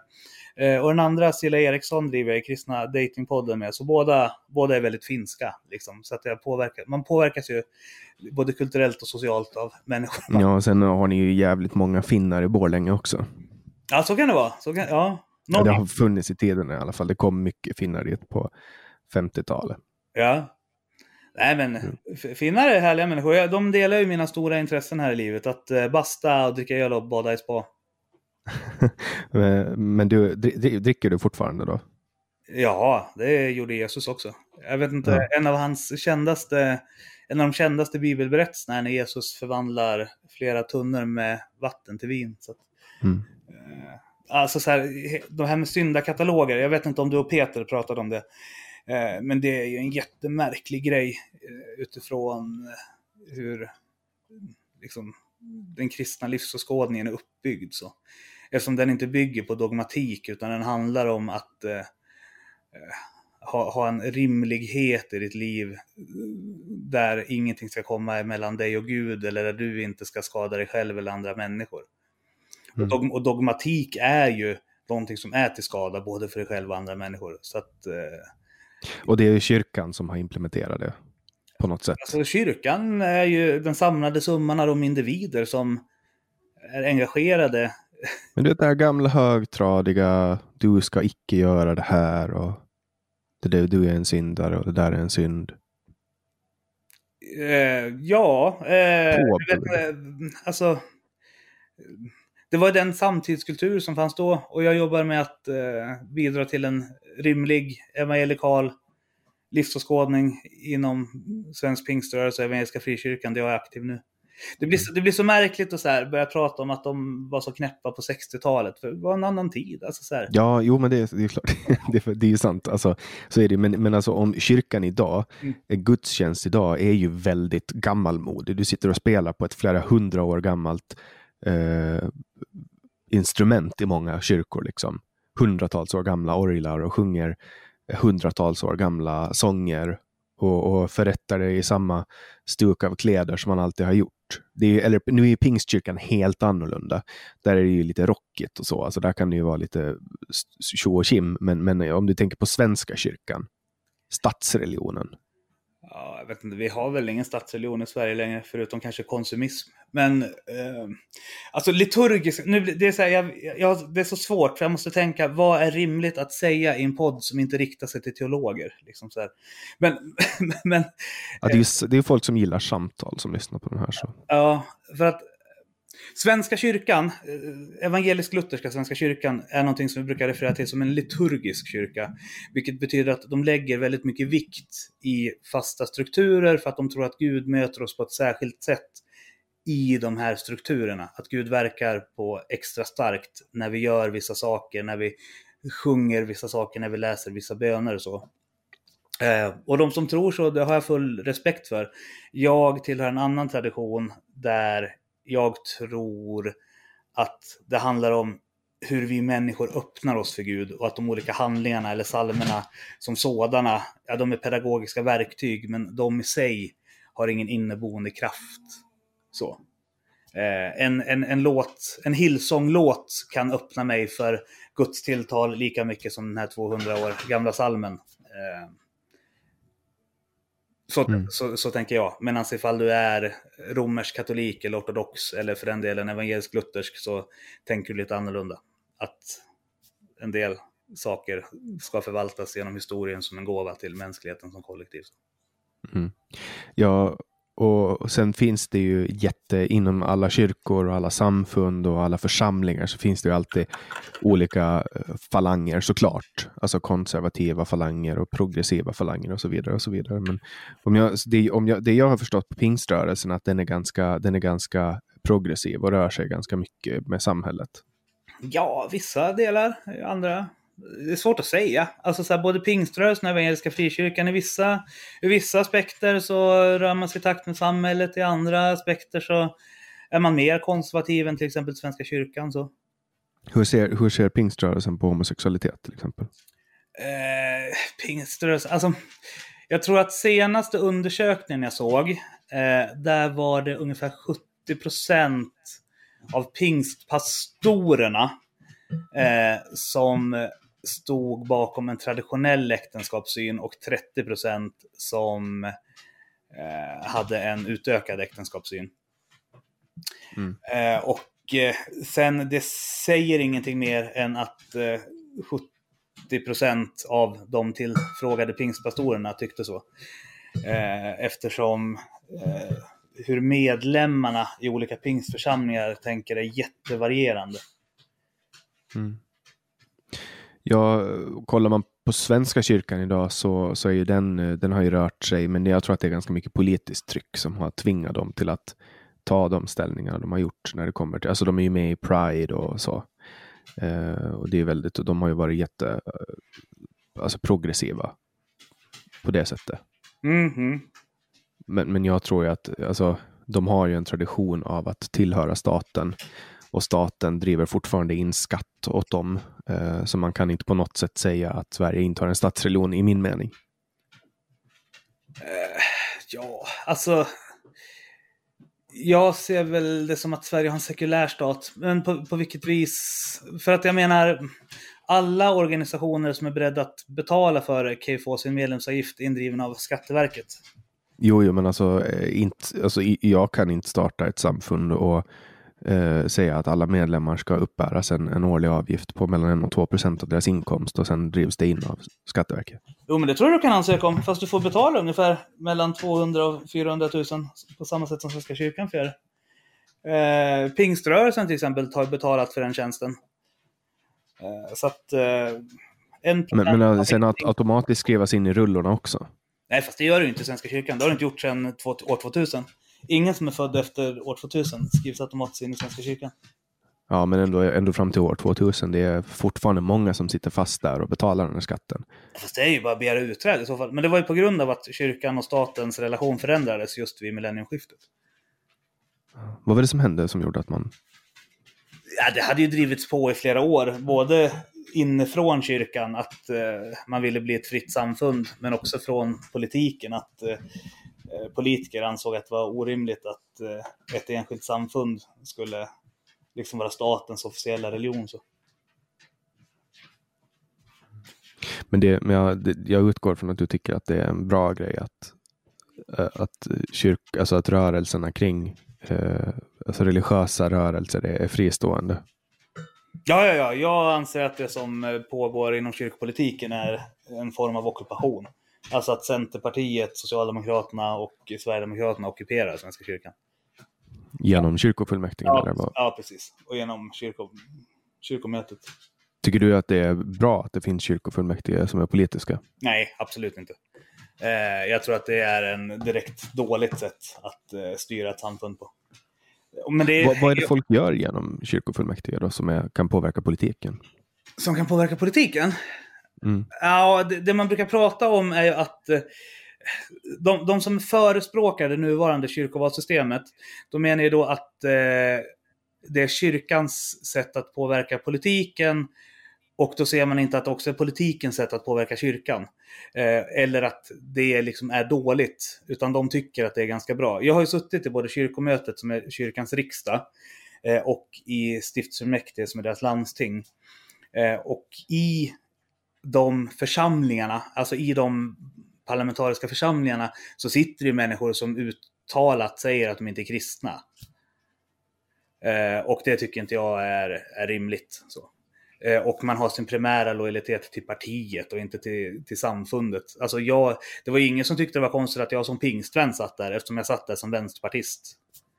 Medans eh, jag tror att de flesta skulle tycka det var jättemärkligt ifall, nu ska vi se, vad hette partiet du var med i? Liberalerna. Liberalerna. De är så små i Sverige så man glömmer bort det lätt. Ja, men, men ifall, ifall då Muslimska brödraskapet, pingströrelsen och eh, Hyndistsamfundet skulle bilda särlister i Liberalerna och sen kandidera internt till era olika eh, maktplattformar så skulle de flesta tycka att det här är lite konstigt. Mm. Ja, nu, nu måste jag, nu, partiet jag var med i förut då i, i presens, nej inte presens utan Futurum, det, det är alltså då Liberalerna, det jag är med i nu är obunden samling. Mm, mm. Ja men oavsett vilket parti det är så skulle det vara lite knasigt ifall det var en massa särlister med olika religiösa grupperingar som eh, började kandidera i era interna val. Så. Mm. Ja, visst. Um, jo, det skulle vara konstigt. Inte, alltså egentligen inte i obunden samling, men i och med att, att det, är ett, det, är en plats för politiska vildar mm, som de flesta råkar vara liksom höger. Uh, men, men i allmänhet så, så, är det ju konstigt. Nu, nu är det ju flera partier i Sverige. Det är väl något nytt uh, islamparti som, som går till val på att uh, försöka få muslimer att bli en nationell minoritet och sådana saker. Ja, fast då är det ju ett, då är det ett parti, så det, det, är ju mindre konstigt i så fall. Än ifall det skulle liksom finnas muslimska listan till Socialdemokraternas kongress eller till Moderaternas kongress. Mm. Istället för att människor nomineras av sina lokala föreningar och sina distrikt. Mm. Det har ju funnits lite klanröstning i Sverige. Det har det ju funnits. Ja, ja eh, och det... Nu försöker jag förstå hur den parallellen blir. För det, det, är väl ingenting som sker offentligt? Det är väl liksom... Eh, Nej, ja, det är inofficiellt som det sker. Eh, men alltså att man har religiösa intressen inom politiken eller politiska intressen inom religiösa samfund. Det är ju liksom en, en eh, alltså det går ju över gränserna för hur man, alltså det är samma som att säga att folk, många går ju in, nästan alla som håller på med politik idag går ju in för att de har på något sätt har personliga intressen i det. Ja, jo. Men alltså för jag tänker att klanröstning, den är inte institutionaliserad. Eh, Utan, det är ju någonting som sker utan att någon har byggt in det i systemet och tycker det är bra. Mm. Med, medan Ja, ja det, finns ju inte, det finns ju inte inne officiellt i systemet. Nej, nej men och det är ju samma, samma som att politiken är väl kanske inte, eller jo det är den ju, alltså i och med att den delas ut enligt politiska mandat inom kyrkofullmäktige. Är det så du menar? Ja. ja, men du kandiderar ju som socialdemokrat. Eh, Eller, Mm. vänster, eller ja, vänstern har en egen särlista nu. Och kopplingen till Vänsterpartiet är stundtals svag. Men det är ändå liksom sekulära politiska partier som kandiderar till olika beslutande organ inom kyrkan. Vad, vad beslutar man över inom kyrkofullmäktige då? Eh, Kyrkofullmäktige är motsvarigheten till kommunfullmäktige. Eh, Så då, där beslutar du över den lokala församlingen. Medan i kyrkomötet, som är riksdagen, så tar du ut, där bestämmer du ju teologiska frågor, alltså vad Svenska kyrkan ska tycka teologiskt i, kring dop, nattvard, eh, äktenskapssyn. Men varför, var, varför går kyrkan med på att det ska vara politiska partier man, man verkar igenom? Eh, därför att när den skildes från staten vid millenniumskiftet så var de politiska partierna i majoritet. Eh, och eh, det har de fortsatt att vara. Så.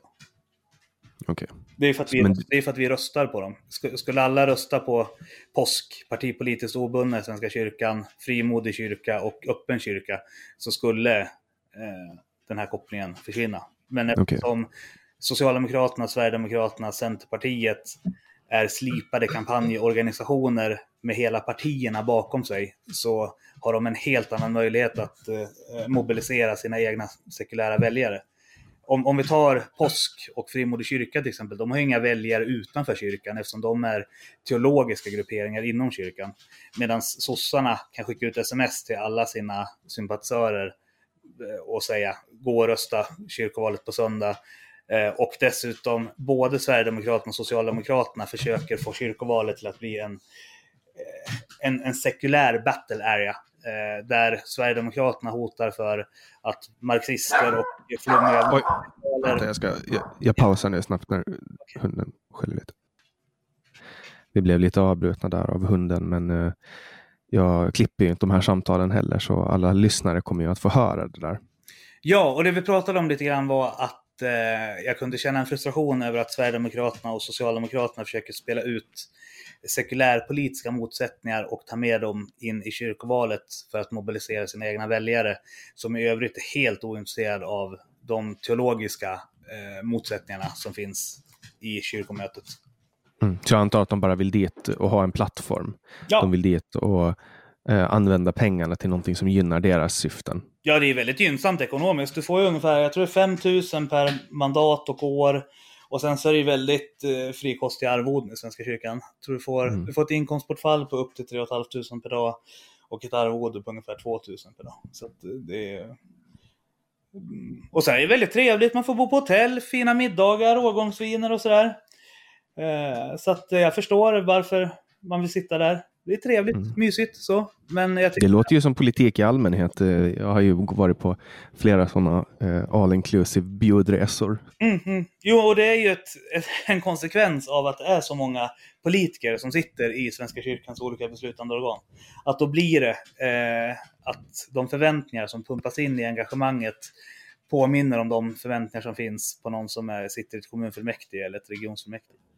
Mm. Och så blir den här slips och kavaj, skaka hand och vara trevlig, politiska grejer med talarstolar och så vidare, antar jag. Ja, jo, absolut. Fast slips och kavaj och trevliga mot varandra, det är vi på pingströrelsens rådslag. Ja. Eller medarbetardagen i Evangeliska Frikyrkan. Att, men vi, vi får inga arvoden för att åka på kongress. Nej. Utan, Och så kanske man betalar själv också. Ja, precis. Ja. Men hur, hur upplever du, vad, vad känner du att pingströrelsen ger dig personligen? Liksom, vad får du ut av att åka på de grejerna? För jag antar att det är lite jobb och sånt med alltså frivilligarbete och sånt. vad den ger mig. Alltså, jag är ju med i en, i en rörelse och i ett samfund som i, på det stora hela tänker ungefär som mig kring bibelsyn och bibelbruk och eh,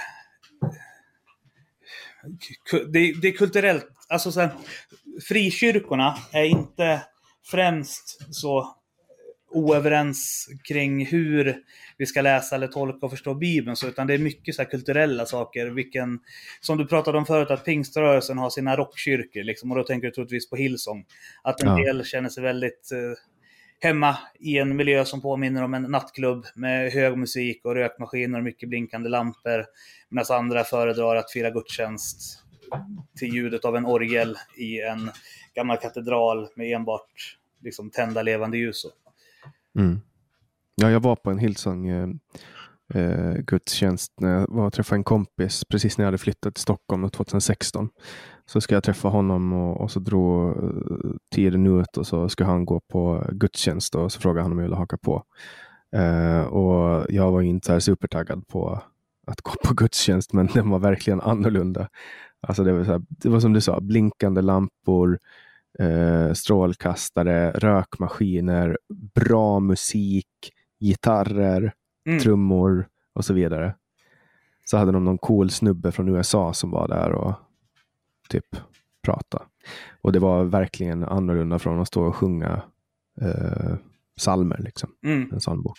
Och det är väl styrkan som både Hillsong och Bettel har. Att det är väldigt så här låg tröskel för nya människor att, att komma in och ta del av gudstjänsten. Så.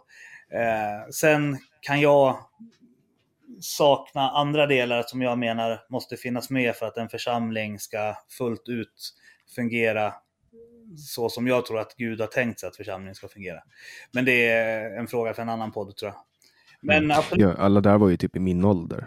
Ja, det är ju en sån sak som eh, jag tänker kan bli ett problem ifall alla församlingar skulle vara som Hillsong. Men jag tänker att Hillsong fyller en missionell funktion, precis som Bettel, att just vara den här lågtröskel eh, samfundet där det är lätt för nya människor utan kyrkbarn att komma in och konsumera gudstjänst. Så, utan att Mm. den behöver vara del i, i församlingsverksamheten så, på ett djupare. Mm. Och du, du driver tre poddar. Ja. Vi kan väl börja prata om kristna datingpodden. ja, absolut. De- Dejtar du bara andra kristna? Ja, nu har jag ju en flickvän som eh, hon jobbar på PMU, som är pingströrelsens eh, diakonala organisation. Så sitter hon med styrelsen på Klara kyrka, som är en ESF-förening i Svenska kyrkan. Eh, men skälet till att jag och entreprenören Cilla Eriksson startade podden var på grund av att vi tyckte att det var för dålig förkunnelse och undervisning kopplat till kärlek, relationer och sex inom svensk väckelsekristendom. Att det var för mycket dogmatik och hysch och att det, den påminde lite för mycket om liksom så här, eh, naturvetenskapsläraren i högstadiet som trädde en kondom på en banan. Så vi tyckte att vi kunde göra det bättre. Mm. Helt enkelt. Så, så det går ut på att ni pratar om hur man dejtar i den kristna världen utgår jag ifrån. Men vad, vad tar ni upp för ämnen? och Så? Ja, men det är mycket, ja men som sagt, kärlek, sex och relationer och teologi i en härlig mix. Så. Eh, och att vi försöker vända på alla stenar. Eh, du nämnde tidigare att eh, du, du varit lite chockad när jag sa att jag gillade att dricka öl i bastun. För du tänkte att det passade inte ihop med din eh, bild av hur en pingsten är. Eh, Exakt så. Eh, och det finns ju många andra eh, såna här bilder. En del korrekta och andra irrationella. Så, om att eh, till exempel kristna har inte sex för äktenskapet.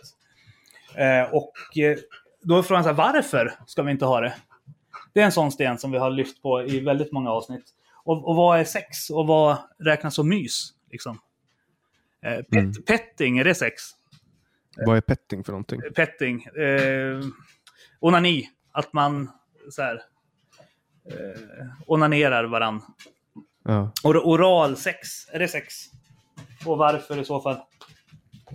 Eh, analsex, hiss eller diss. Vad tror vi om det? Säger Bibeln något någonting om det? Men är du av åsikten att man inte ska ha sex före äktenskap? Eh, jag tror att det finns eh, skäl, goda skäl till att eh, Eh, sexualiteten ska vara inom ramen för äktenskapet. Eh, precis som jag sa tidigare när det kom till frågan om alkohol till exempel, så tror jag att eh, Gud eh, vill att vi ska leva på ett sätt där vi inte skadar varandra eller oss själva utifrån hur han har konstruerat oss. Eh, och när det kommer till just sex, eh, penetrationssexfrågan eh, så har vi flera avsnitt om det. Där vi bland annat pratar om hur kroppen utsöndrar anknytningshormoner. Penny, nu slutar du skälla. Jag har en löptik här som eh, vart triggad av ljudet från din hund tidigare. Okej. Ja, en Lagotto. Eh, och att det anknytningshormonet eh, säger en del forskare avtar ifall vi har för många sexuella partners. Eh, och att vi därför då får svårare att anknyta till en, en livslång partner och få ett bra sexliv. Så därför tror jag att det är att eh, föredra att ha penetrationssex inom ramen för en livslång överlåten relation. Eh, Okej, så, men, men då, ha, alltså, så då handlar det mer om att det finns vissa saker man kan göra som inte är penetrationssex? Ja, bland annat. Alltså, det är bara en, en av många saker. Eh, Vi eh, tror att det är bra om eh,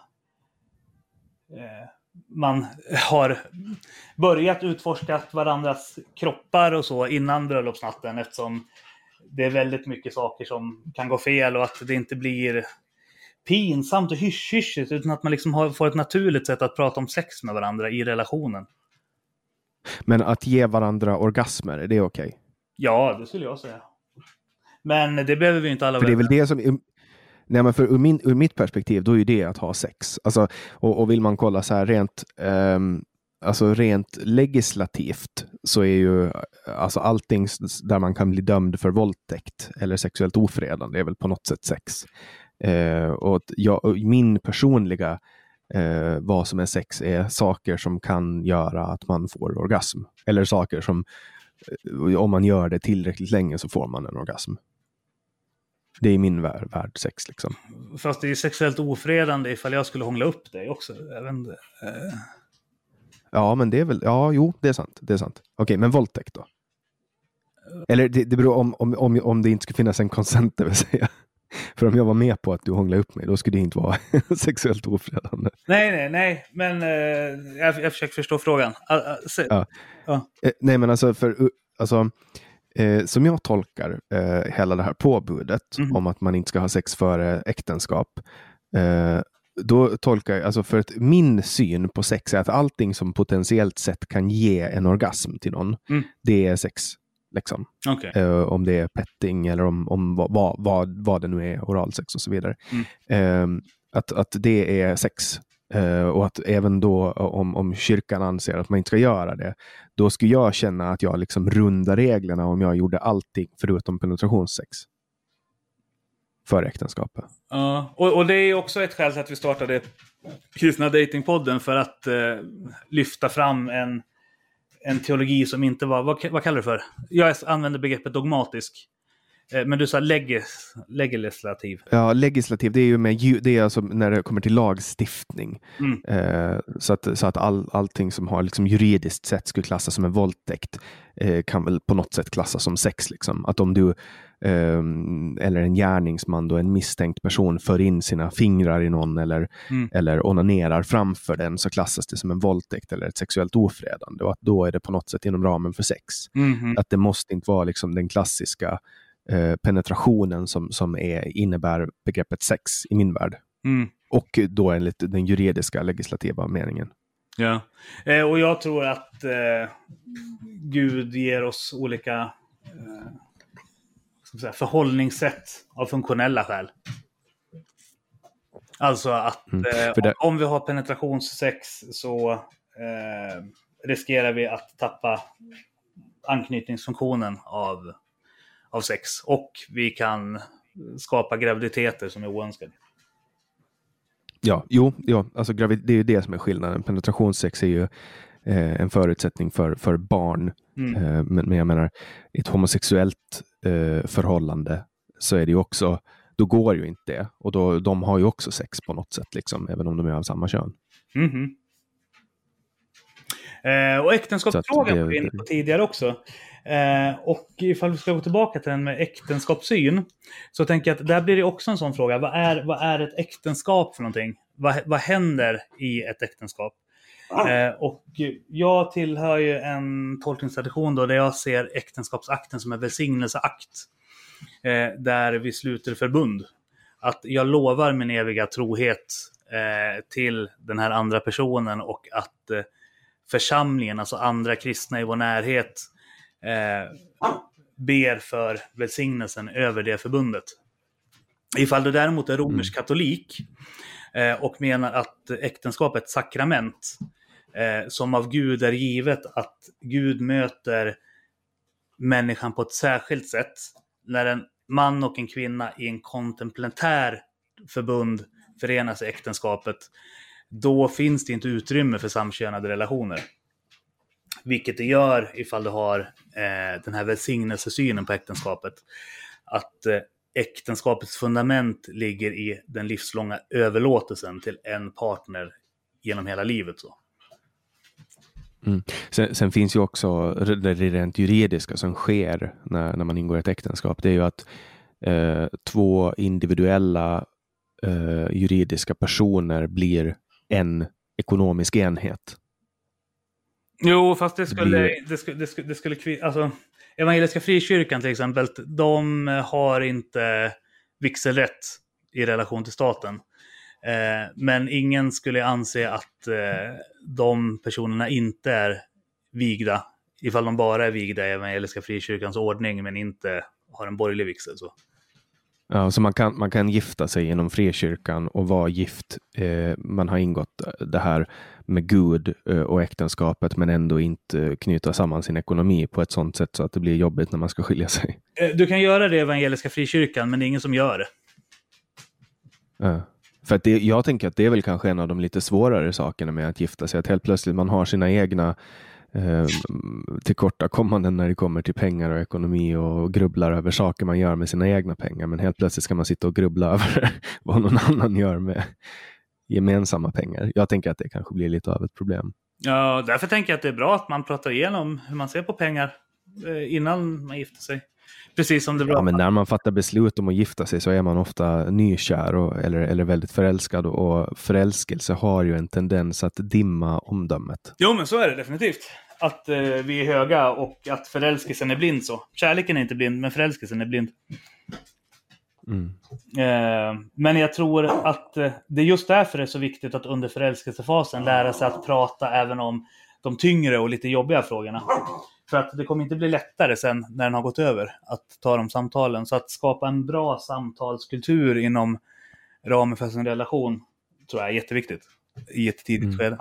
Och det är också en sån grej som vi eh, pratar mycket om i Kristna Datingpodden. Hur vi kommunicerar mm. på olika sätt. Eh, jag noterar också när du tilltalar din hund att hunden hette Penny. Den ena hunden heter Penny och den andra heter Doris. Doris är Pennys dotter.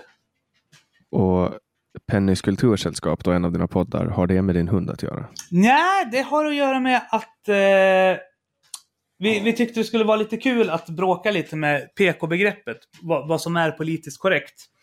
Eh, men vi tänkte också så att, men Penny, hon tycker om alla som är schysst mot henne. Och är inte det en ganska rimlig hållning? Alltså så här, jag menar Penny skiter ju i ifall du är en borgarateist eller om du är liksom en socialistisk pingstvän eller en sekulär humanist eller muslim. Så länge du liksom är en bra person så kommer hon tycka om dig. Och leker med henne och så. Vad sa du? Och leker med henne och, och klappar henne. Och ja, ja, ja, precis. Eh, och vi tänkte att det är en ganska rimlig hållning för oss människor att ha också. Att så här, om du är en schysst person så, så är det rimligt att vara schysst tillbaka. Och sen kan vi resonera kring olika världsåskådningar och livsåskådningar som vuxna människor. Istället för att eh, hålla på med en massa stigmatisering och markeringar och fultolkningar. Så. Mm. Eh. Ja, det är inte, det är inte osannolikt att Penny skulle pussa en nazist in, i, i, i uh, Almedalen. Ja, det har hon gjort många gånger. Ja, inte just i Almedalen, men nazister som har kommit hem till mig för fika eller så. det, det, är så roligt att du bara, ja men nazister som har kommit hem till mig på fika. Ja. Du kan kolla in en nazistpodd som heter Svarta segel. Där vart jag intervjuad av nazisterna. Där utvecklas den delen lite mer. Ja, jag, jag, har, jag lyssnar aldrig på nazistiska poddar för att jag är rädd att jag ska hålla med. Alltså, förstår du vad jag menar? Ja. Jag tänker att tänk om de säger någonting så här jättevettigt. och, och, och, alltså, det är kanske en irrationell rädsla för jag vet att de, de nationalsocialistiska idéerna inte tilltalar mig. Men jag är lite rädd att, att Men det, men det är samma Att man ska bara... det är, som, det är som ifall jag skulle vara skraj för dig av rädslan för att bli borgare. Alltså så här, du, alltså så här, bara för att du är libertarian eller vad det nu är, det betyder ju inte att du har fel i allt. Alltså så här, tror, Nej, jag vet, men det där, det där är någon, någon, jag kanske behöver utmana lite. Jag har ju pratat med en nazist och i ett specialavsnitt eh, som heter Säg vad du vill Almedalen eh, i just den här podden. Då. Men, men eh, jag, jag, jag vet inte, det, det kanske är en irrationell rädsla. Eh, och sen, sen går det ju inte heller att streama nazistpoddar på så Spotify eller Acast, så man får ju gå in på någon så här obskyr eh, sajt som, som streamar dem. Eh, och då känns det lite som att man utför någon form av brott. Förstår du vad jag menar? aha. Nej, men jag skulle uppmuntra dig att så här, prata med bärare av även extrema livsåskådningar. Det är ett sätt att dels lära sig själv hur, hur de tänker, men sen även att skapa ett utrymme för dialog. Att de förstår hur du tänker. Att, nu vet jag inte, vad du, är du libertarian eller vad är du för någonting? Eller vad identifierar du dig som? Ja, jag är libertarian. Ja, ja men det kan ju bli ett Ja.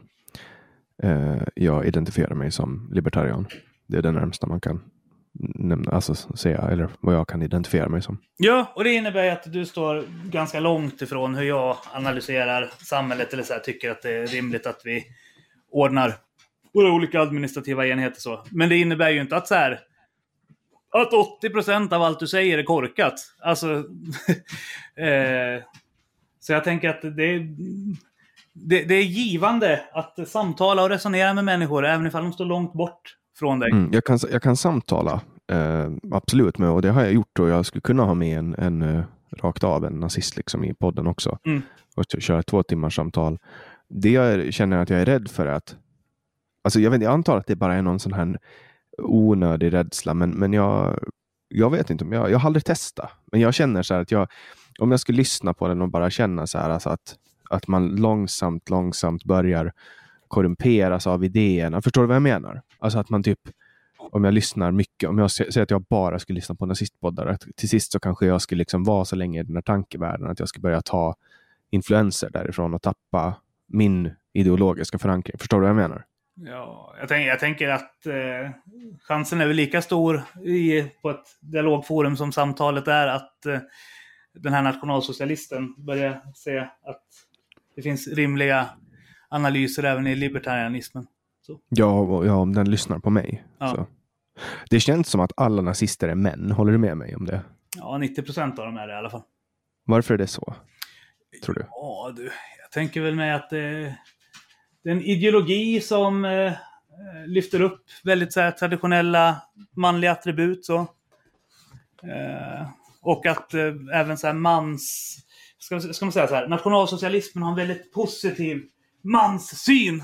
Och jag tänker mig att eh, eh, väldigt många arbetargrabbar från industriorter känner sig omkörda i en samtid där vi pratar mycket om patriarkala förtryck och eh, den vita heterosexuella mannen är liksom på gruppnivå en förövare och så. Och då tänker man att en backlash av det är att eh, de här arbetargrabbarna söker sig till ideologier som istället säger att så här, men ni, är, ni är hjältar, även om ni inte har någonting så mycket annat att vara stolt över så kan ni vara stolt över er ras i alla fall. Okej. För, för sen är det också mycket vilsna människor som söker sig dit, eh, till nazismen. Liksom. Jag tycker de ser, det ser ut som en homogen grupp alltså, när man står och tittar på dem. Ja, alltså.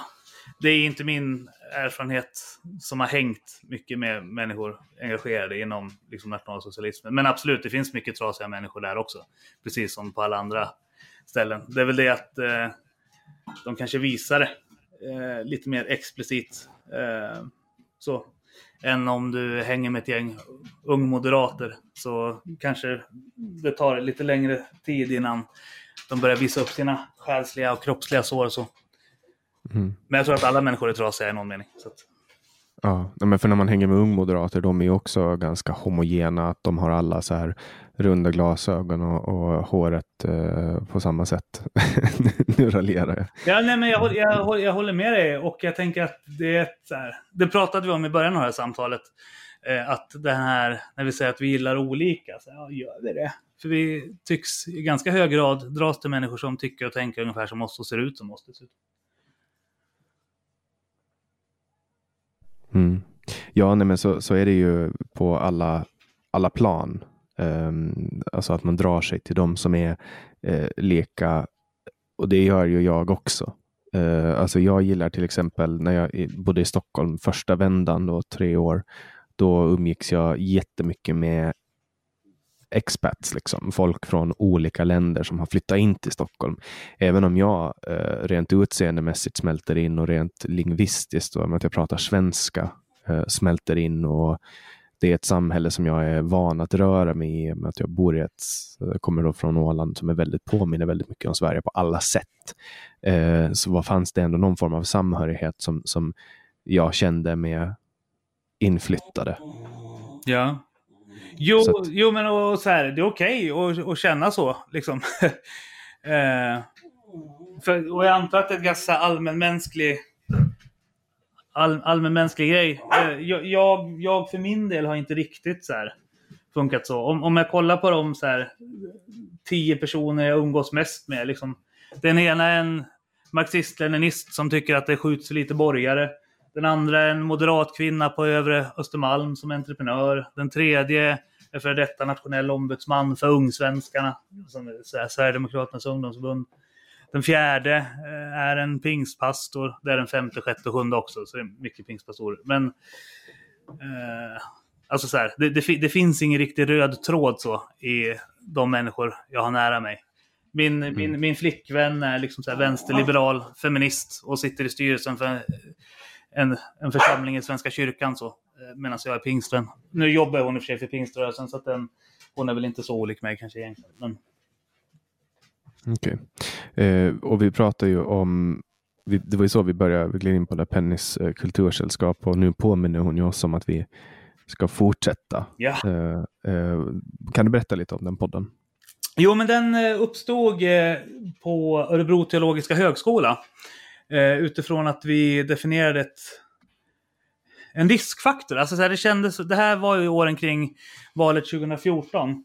Och vi var flera av studenterna där som kände att eh, förmågan att vara civiliserat oense håller på att gå förlorad. Och vad kan vi som teologstudenter göra för att motarbeta det?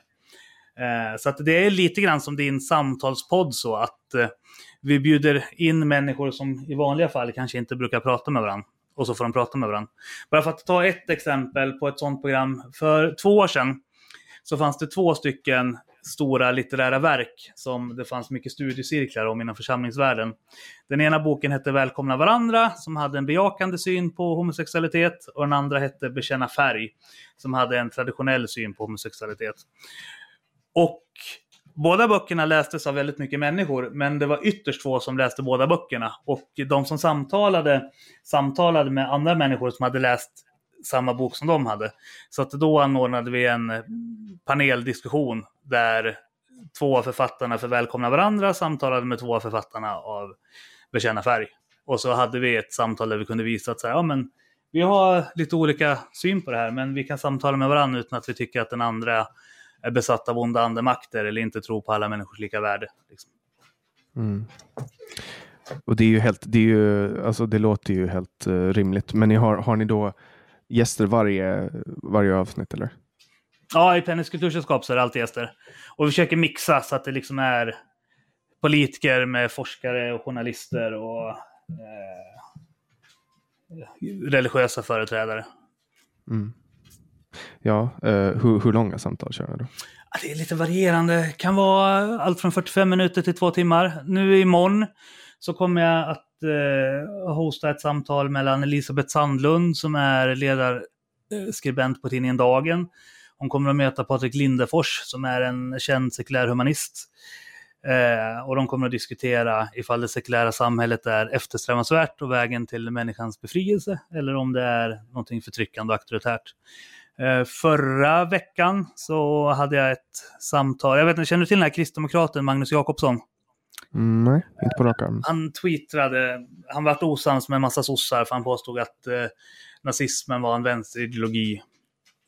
Eh, och min kompis Olof Edsinger hade samtidigt gett ut en bok som hette så här Klasskamp eller konflikt som beskrev arbetarrörelsen och väckelserörelsens gemensamma historia. Så då bjöd jag in dem tillsammans med Ulf Bjäreld som är gammal ordförande för Broderskapsrörelsen. Och så Per Evert som är ledarskribent på uh, kristna högertidningen Världen idag. Och så hade vi ett samtal kring det. Uh, där vi visade på att ja, men vi kan tycka lite olika om det här, men vi behöver inte kalla varandra fula saker. Uh, och det är det röda, den röda tråden i Pennys kultursällskap. Eh, ett av de roligaste programmen, då hade vi Stigbjörn Ljunggren som är S-märkt statsvetare och så hade vi Robban Mattiasson som vid den tiden var partiledare för kommunistiska partiet.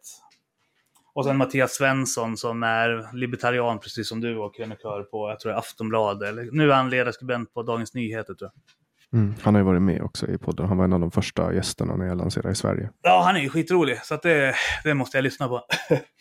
Nej, men, ja, han är, han är rolig. Ja, och så snackade vi på temat så här, klass mot klass. Så här, vad, vad, vad, är det vi, vad är det vi osams om egentligen? Och vi var, så här, alla hade så här skarpa och väldigt tydliga argument, men vi hade skitkul och roligt tillsammans medan vi gjorde det. Liksom. Mm. Ja, men kul. Hur länge, han, hur, hur länge har den funnits? Det samtalet varit långt, så det höll på i två timmar. Jag tänker, hur länge har podden eh, funnits? Ja, Pennys kultursällskap. Uh, ja, det måste vara 2013, 2014. Shit, du har hållit på länge då? Ja, men det, det, det är ju inte en podd, det är en YouTube-kanal. Eh, okay. Kristna Datingpodden är en podd, medan eh, Pennys kultursällskap och Otroligt är eh, YouTube-kanaler. Okej. Okay. Hur, eh, hur upplever du, alltså jag, jag tycker just med film att det blir så fruktansvärt mycket arbete. Så att eh, jag tycker det är nästan enklare att stanna i poddvärlden för att människor kan ta med min podd ut i öronen och så. Ja, och jag har märkt att det är mycket lättare att få genomslag för en podd. Kristna Datingpodden har ungefär 5000 lyssnare i veckan. Tennis, kultursällskap, vi får vara glada ifall vi får mellan 200 och 300 tittare per program. Ja. Ja, eh, jag tänker att det har ju lite med det att göra, alltså att man har eh, att det är så lätt att bara ta med en ut i ta med en i öronen ut, ut på eh, träningen eller i bilen eller vad man nu sysslar med. Mm. Vi har pratat om Nej. att eh, försöka plocka ljudet från de här YouTube-samtalen och lägga det som en poddkanal också. Så det kommer mm. förhoppningsvis. Mm. För um, Corona så tyckte jag inte att, att det var okej okay att spela in online. Det är väldigt viktigt annars. Då när vi hade med oss Stigbjörn Ljunggren, han, eh, han var ju nere i London då liksom, så det hade inte gått att få till. Och Robban satt nere i Göteborg och Mattias Svensson i Stockholm och jag i Borlänge. Liksom. det är många samtal som inte skulle uppstå ifall man skulle få lov att få alla att vara på samma fysiska plats. Mm. Ja, men jag, var ju, jag, var ju, jag åkte ju eh, land och rike runt för att spela in. Mm. Så jag bodde, när jag, när jag starta samtal i Sverige, då, då bodde jag fysiskt på Åland. Um, och då åkte jag liksom, tog bilen och åkte ner till Malmö. Bodde på hotell där eller Airbnb och spelade in med folk fysiskt. Spelade in fyra, fem samtal. Ja. Nästa runda spelade jag in i Stockholm. Tre, fyra samtal och så. Men då tog du en i taget. Eh, och, och, och, så jobbar vi på Kristna Datingpodden också, att jag och Silla åker ut och hem till någon och så har vi med oss inspelningsutrustning och liksom intervjuar. Så. Men Pennys kultursällskap som det bygger på samtal mellan röster som i vanliga fall inte skulle ha träffats och pratat med varandra. Eh, och de är så utspridda över hela landet. Så är den här digitala möjligheten avgörande för att mm. Pennys kultursällskap skulle funka. Mm. Jag har ju ändrat, jag har ändrat syn helt och hållet. Mm.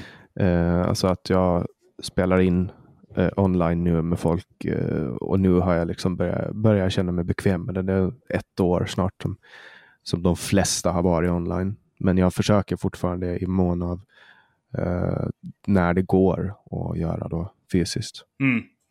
Men ibland är det svårt. Nu är jag ju i Borlänge lite nu och då. Jag brukar åka till Romme på trav, så det här skulle vi kunna ha gjort eh, fysiskt också. Ja, men det hade varit trevligare. Jag hade kunnat bjuda dig på middag eller någonting. Ja, men eh, jag kan hojta till när jag är i Romme nästa gång. Det Ja, men nog... Titta förbi, det blir trevligt. Inom kort. Jag, jag är ganska ofta i Gävle också. Ja. På trav. Så att, uh, det, det, kan jag absolut göra. Ja. Jag brukar, jag brukar skriva till Henrik Johansson också när jag kör igenom hans trakter. Eh, alltså haveristerna Henko. Ja, ja, ja, ja, han bor i Avesta. Det är typ 10 mil härifrån. 8-10 mil. Ja, så jag, jag brukar skriva ett meddelande till honom på Facebook att nu är jag i området. Liksom. Ja. Så att, eh, men jag tycker det är kul att kunna träffa folk. Alltså jag, det är flera som jag har träffat, eh, alltså som jag har spelat med i online, spelat in med online och sen har jag träffat dem fysiskt. Mhm.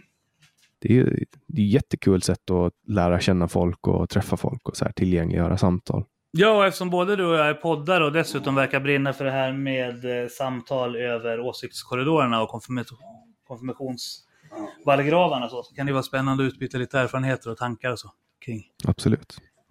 Eh, Jag har till och med startat en podd med, jag träffade ju en, en, eh, en, en, en gäst i samtal, så var Anders Hesselbom. Och vi hade så trevligt så vi startade en egen podd efter det. Jaha, okej. Ja. Sekulärhumanisten. Han har varit med i några, han har varit gäst i några av mina program. Okej, vad kul. Det, det visste jag inte ens. Jag, såg Ehm, det, jag gick igenom din lista. Det var flera som såg att ja, men titta, vi har gemensamma. Mm. Vi har haft gemensamma gäster. Och, och sen då, otroligt. Vad, vad går ni igenom där då? Det är Svenska Apologetiksällskapets officiella videokanal. Och där anordnar vi eh, samtal mellan företrädare för växelkristendomen och företrädare för andra livsåskådningar och världsåskådningar. Som till exempel då Elisabeth Sandlund och Patrik Lindefors som vi kommer att livestreama mot Facebook i morgon onsdag den 24 februari. Mm. Livestreams är jävligt roliga på Facebook för att det är sjukt många som kollar på dem. Ja, det blir lite interaktivitet för att människor skriver i kommentarerna och sådär. Jag kommer ha med mig en annan från styrelsen i Svenska Politiksällskapet som heter Heidi Mortse som kommer att sitta och liksom bevaka, bevaka kommentatorstrådarna och kunna lyfta in det i samtalet löpande. Så. Mm. Ja, jag, jag livepoddade mycket i början på coronakrisen. Då livepoddade jag, men det var inriktning på Åland. Då. Mm. Eh, och det var jättekul. Alltså hade, vi hade, sen hade jag så här open stage också, så folk fick ansluta och komma in mitt i samtalet och sånt. Så det var, Borde du kolla in Club, Clubhouse, den nya appen. ja, alltså jag tänkte mangla igenom det här i nästa avsnitt av Generation YX med Anders om, om Clubhouse. För att eh, jag förhåller mig lite skeptisk till den här extrema hypen. Ja, så länge du inte köper aktier i företaget så är det väl, gör det väl inget om den är hypad. Nej, men det är väl, jag, fan, jag är lite sån. Alltså, när, så fort någonting blir för hypat så, så känner jag liksom, ja, du vet, att jag backar lite. Ja, ja. Men är det så här, För att det- rädd för säkerheten, alltså så här, datasäkerheten eller? vad? Ja, men det, du kommer ju ihåg Google+. Plus. Mm, mm. Det var så här, det börjar på exakt samma sätt. Google ska lansera en ny tjänst, kommer att vara the thing, Eh, men det är exklusivt, du måste ha en invite för att komma in. Jag har två invites. Och så skapar de en så här, du vet, bara en snackis om det och sen blir det massa jox och typ det enda jag har hört om det där är folk som har förtalat varandra och sånt. Alltså det, jag, jag förhåller mig liksom skeptisk. För finns Clubhouse kvar om, om en månad? Mm, kanske. Ja. Men kolla senaste avsnittet av SVT Agenda. För där lyfter de fram lite positiva aspekter som uppstått med den här nya plattformen. Så att eh, jag och Kristna Datingpodden, eller jag och Silla på Kristna Datingpodden funderar på om vi ska gå in på den plattformen och köra något så här afterworks eller någonting. För det verkar vara en schysst plattform för det. det är inte omöjligt. Alltså, det är faktiskt inte omöjligt att, att, jag, att, att jag kollar in det. Men, men jag känner så här lite allmänt. Eh, jag vet inte vad det är för mekanismer i mig som gör att jag blir lite så här att jag vill backa när det blir hypat. Kanske lite konservativ, så strukturkonservativ. Libertarianen är konservativ. Här kommer det fram. Ja, men, ja kanske. Ja, eller så, alltså för att jag vet inte, jag är inte den första att hoppa på. Alltså det, har varit, det var ju jättestor hype kring Bulletin också. Mhm. Eh, det var ju också så här, största hypen på under 2020. Liksom. Och den kom några dagar före årsskiftet och då, då var det liksom så här, det blev superhypat. Alltså man bara blåste upp det. Det, det är ju en, enligt mig en, en bra produkt liksom och de har stora tunga namn och, och de behövs. Men den blev så hypad så att det gynnar liksom ingen att det blir så hypat. Jag har svårt att se vad skillnaden mellan Bulletin och ledarsidan är. Alltså så här, som, som du sa, bo- Bulletin är en helt okej tidning, liksom så här. Men vad är den till? Alltså ledar, ledarsidorna är ju mera... ehm, det är mindre skala om man ser det så. Medan Bulletin är ju en, det är en redaktion med mycket. De har helt andra ambitionsnivåer. De vill ju gå in och skriva på engelska också och sånt. Och Mm. Ledarsidorna har väl börjat litet och växt till sig medan Bulletin gick ut stort. Mm. Så det är väl där skillnaden finns, tänker jag. Och de har ju gjort riktiga storrekryteringar också. Mm. Ja, de har högre ambitioner kanske än vad ledarsidan har. Ja, eller alltså de har lite annat tillvägagångssätt. Mm. Så det var väl Johan Westerholm som började bygga upp ledarsidorna för ganska länge sedan. Mhm. Långsamt men säkert. Men Bulletin kom från ingenstans. Mm. Eller ingenstans, det är väl vad jag har hört. Men nu är det så här ryktespridning så är det väl så här ganska tunga finansiärer som ville ha en, en mer konservativt inriktad borgerlig publikation. Och de tyckte inte att Svenska Dagbladet levererade längre. Liksom. Ja, det jag vet inte, man ska inte lyssna. Jag har hört mycket rykten kring Bulletin. Alltså. Eh, jag pratade med Tino och sådana om det också. Att jag, för att jag, det var en journalistgrupp som jag är med i på Facebook som folk, alltså det var så jävla skvallerklubb och jag blev, så, alltså jag blev så irriterad av att se hur folk satt och skvallrade om, ja, jag har hört ryktesvägen, ryktesvägen, och så skickade jag en bild till Tino där det stod så här, alltså där de höll på att prata om att eh, vad Tino har gjort och att han har eh, hamnat i konflikt och, och sålt alla sina aktier och försvunnit därifrån. Och det där det är liksom helt substanslöst. Folk bara liksom inom journalistkåren sitter och hoppas att allt ska gå åt helvete och liksom sitter och mm, jag blir så jävla irriterad på det där. Alltså det är riktigt jobbigt. Men jag vet inte, vad tycker du om Clubhouse? Är det någonting för dig? Alltså, vad känner du? Nu, alltså jag tycker att Apple-datorer är jobbiga att göra med. Eller så Apples produkter överhuvudtaget. Eh, men eh, jag har en iPad. Så jag tänkte försöka lära mig det här Clubhouse via iPad inom en snar. Okej, det är bara öppet för folk med Apple alltså? Ja. Ja, för vettiga människor alltså. Man tar bort allt sladder, Android-sladder. du, skulle, du skulle trivas tror jag i Pingströrelsen Evangeliska Frikyrkan. Det är åtta av tio datorer, Apple-datorer. Du får bjuda med mig på någon, på någon gudstjänst någon gång. Jag kan det se jag göra det- ifall du är i Borlängetrakten. Se.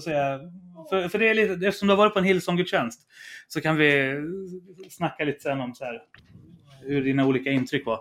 Kanske kan intervjua Mm. dig då till Pennys kultursällskap för att prata om så här en... Jag vet inte, du, du sa inte att du var ateist, men eftersom du känner Hesselbom så tänker jag att du kanske är sekulär humanist eller så, eller? Ja, men jag, jag eh, har levt ett eh, gudslöst liv och jag mådde väldigt dåligt. Och sen kom jag in i Anonyma Alkoholister för fyra år, ja, mer än fyra år sedan, men det jag blev nykter för fyra år sedan. Och där uppmanas man att välja en gud. Eh, man behöver inte definiera guden, men man bara hittar en gud som är stark, starkare än en själv och som bara har det go, goda intentioner. Eh, och jag gjorde det och mitt liv blev bättre. Och där har jag fått det. Nej, även om, även om han är, står väldigt högt upp på listan över hjäl- hjältar eh, så är min go gud eh, någon form av universal kraft som verkar genom alla. Så att summan av allt, summan, summan av alla eh, själar som finns på jorden är Gud. Den här klassiska allt är rätt. Du vet. Brahma. Typ så, det är lite så jag ser det. Jag läste, eh, jag läste Neil Donald Walsh eh, eh, och det var väl liksom ingen uppenbarelse, men han satt ganska bra förklaring på det där. Samtal med Gud. Eh, där han förklarar liksom att Gud är allt, Gud är alla färger i ett eh, och därför är det vitt och så vidare. Alltså jag vet inte, jag har bara valt en kraft. Eh, sen har inte jag någon ritual eller någon jag ber till eller så, utan jag bara väljer att tro att det finns en god kraft. Och jag menar, jag vet ju att det finns krafter som suger allting neråt, och gravitationskraften. Mhm. Eh, jag vet att det finns elektricitet som vi inte kan förklara. Så jag är öppen för att det finns saker som inte jag kan förklara. Mhm. Eh, men, men det är, innebär ju också att jag är öppen för att kanske definiera det enligt någon. Eh, men jag vet inte, jag är ju också objektivist. Så att jag, är, jag tycker inte att, att organiserad religion är inte supergynnsamt om man kollar på vad de flesta krig i världen, eh, orsaken bakom dem är ju ofta religion och så. Fast det där stämmer ju inte. Det finns ju statistik på det där om att... vad var det de kom fram till? Att eh, det var 10 eller 15 procent av den moderna eh, liksom, historiens konflikter som hade varit orsakade av religion. Och tog du bort islam i det så var du nere i typ 3 procent. Ja, men, men alltså de många krig här alltså har ju sin, alltså, hum, hum, alltså många konflikter, onödiga konflikter där folk dör. Eh, alltså bara i närtid, andra världskriget. Det var ju en religiös förfölj förföljelse utan dess like liksom. Fast skulle du säga att nationalsocialisterna förföljde judar av religiösa skäl? Alltså de gjorde ju det för att de tyckte att de var behornade jä djävulsfolk som gick runt och tog uh, saker. Men, men det var ju på grund av att de var judar. De blev, det var ju det som var den gemensamma nämnaren, att de var judar. Ja, e etniska judar. Eh, jag har jättesvårt att se att andra världskriget skulle vara en religiös konflikt. Eh, mm, nej, men såklart inte. Men, men mycket handlar ju om att man skulle döda judar. Det var ju det som var grejen. Ja, jo, absolut. Men eh, ja, nej, jag, jag, jag, köper inte narrativet helt enkelt. Alltså så att, att andra världskriget skulle vara ett resultat av religiösa motsättningar. Ja, men om vi kollar på de sprickorna som har uppstått i svenska samhälle idag, där eh, religiösa konflikter står så jävla mycket i fokus. Alltså muslimer till exempel, eh, som, som eh, vill att deras barn ska bära slöja och sånt i skolan. Och, eh, alltså, du vet, det, det, är mycket fokus på sånt. Jag, jag tycker att 2021 så, så kanske, vi, kanske vi bara ska komma överens om att nu lever vi i ett fritt samhälle utan tvång. Ja, men jag, får, jag ser fortfarande inte riktigt det som en religiös konflikt, utan som en kulturell värderingskonflikt. Men vadå, det är väl religiöst? Att de har ju fått påbud från sin profet att de ska klä sina barn i kläder som täcker deras kroppar. Jo, men att du inte tycker att det är rimligt är ju inte ett uttryck för en, en religiös ståndpunkt. Utan det har ju du landat i utifrån en filosofisk ståndpunkt. Ja, exakt. Precis så. Ja. Så, så. Men, men jag, jag, jag ser inte motsättningen där. Nej, jag, jag har bara svårt att så här hävda att när en världsåskådning har det metafysiska antagandet att det nog finns en gud, så skulle den världsåskådningen då, att det skulle finnas skäl att plocka ut den och sen hävda att majoriteten av alla världens konflikter är ett resultat av att det antagandet finns med i den världsåskådningen. Eh, det där är... Nej, men jag, det, det må... Jag, det, jag, jag har sannolikt inte rätt eh, när jag säger så. Um, alltså att de flesta krig eh, kommer från religioner, men, men, men mycket onödigt tjafs kommer från religion idag.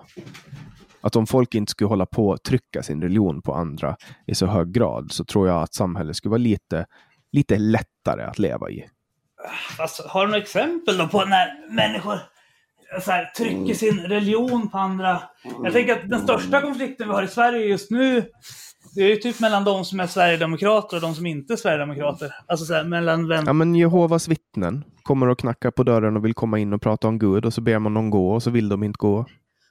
Fast vad är skillnaden på dem då? Någon som kommer och vill sälja sektoralarm eller Verisure-larm?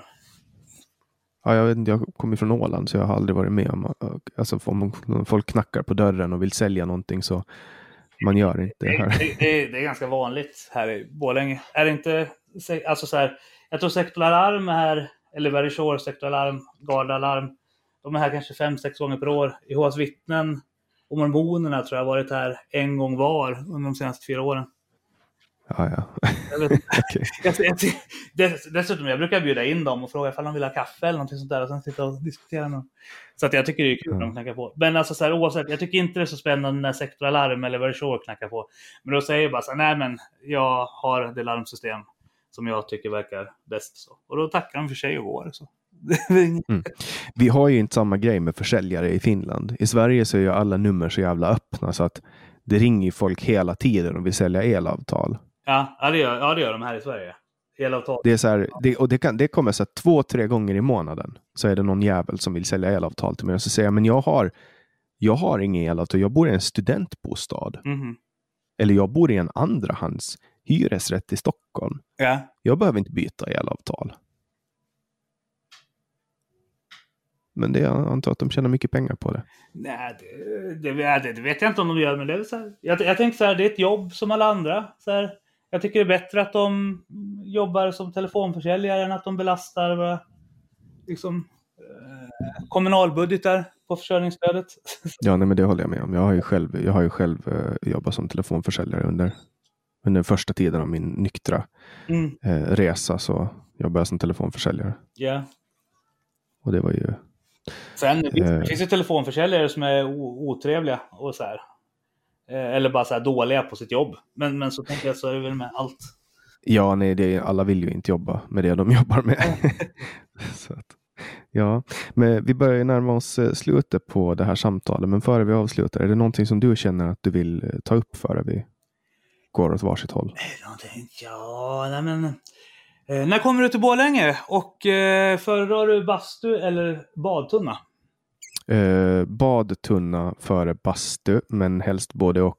Ja. Eh, och jag kommer nog att komma till Borlänge inom kort. Ja. Eh, det är Rommetravet som kallar. Föredrar du vedeldad badtunna eller eldrivet spa? Ved, det där behöver du inte ens fråga. Ja. Och jag tror att, jag tror att min, min vän Jonas också, eh, han svarar också ved alla dagar i veckan. Ja, ja. Det är, det är Hadnes Jonas. ja men då vi upp. Och sen så var du nykter alkoholist, så då är det alkoholfri öl. Det är inte lättöl, som funkar inte då. Nej, lättöl funkar inte, men eh, Jonas, eh, Jonas gillar öl. Ja, ja. Men, men eh, Han visar, han visar tummen upp i bakgrunden nu också. annars så fixar vi Ramlösa till dig då. Så dricker jag och Jonas lättöl. Ja, nej, jag, kan, jag kan dricka alkoholfri öl. Det händer att jag gör det. Ja, ja, yes. Ja, men då, det blir skittrevligt. Ja, Får vad kul. eh, skriva på Messenger bara, så hittar vi något bra occasion. Får se om vi kan Ja. spela in någonting till min podd eller någon eh, video, eh, någon av videokanalerna då. Ja, men det låter jättekul. Och då tackar jag dig jättemycket PO för att du var med i veckans avsnitt av Samtal. Ja, tack så jättemycket. Det var jättetrevligt.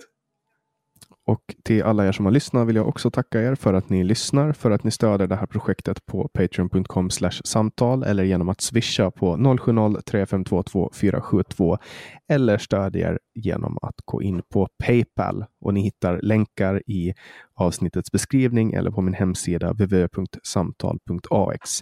Där kan ni också gå in och önska gäster som ni vill höra. Eh, och jag tycker att det är jättetrevligt när ni berättar vem ni vill höra i den här podden. Ehm, och eh, ja, jag släpper ju nya... Jag vill önska. Ja, men önska, kör. Jag såg att du hade haft med Chang Frick, så att Robert Mattiasson skulle jag vilja ha som gäst. Han skriver också på nyheter idag. Gammal partiledare för KPMLR. Ja, du får ligga på mig i Messenger Okej, ja.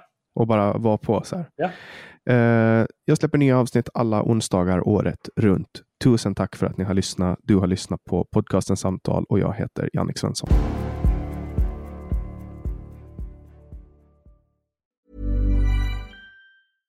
Even when we're on a budget, we still deserve nice things.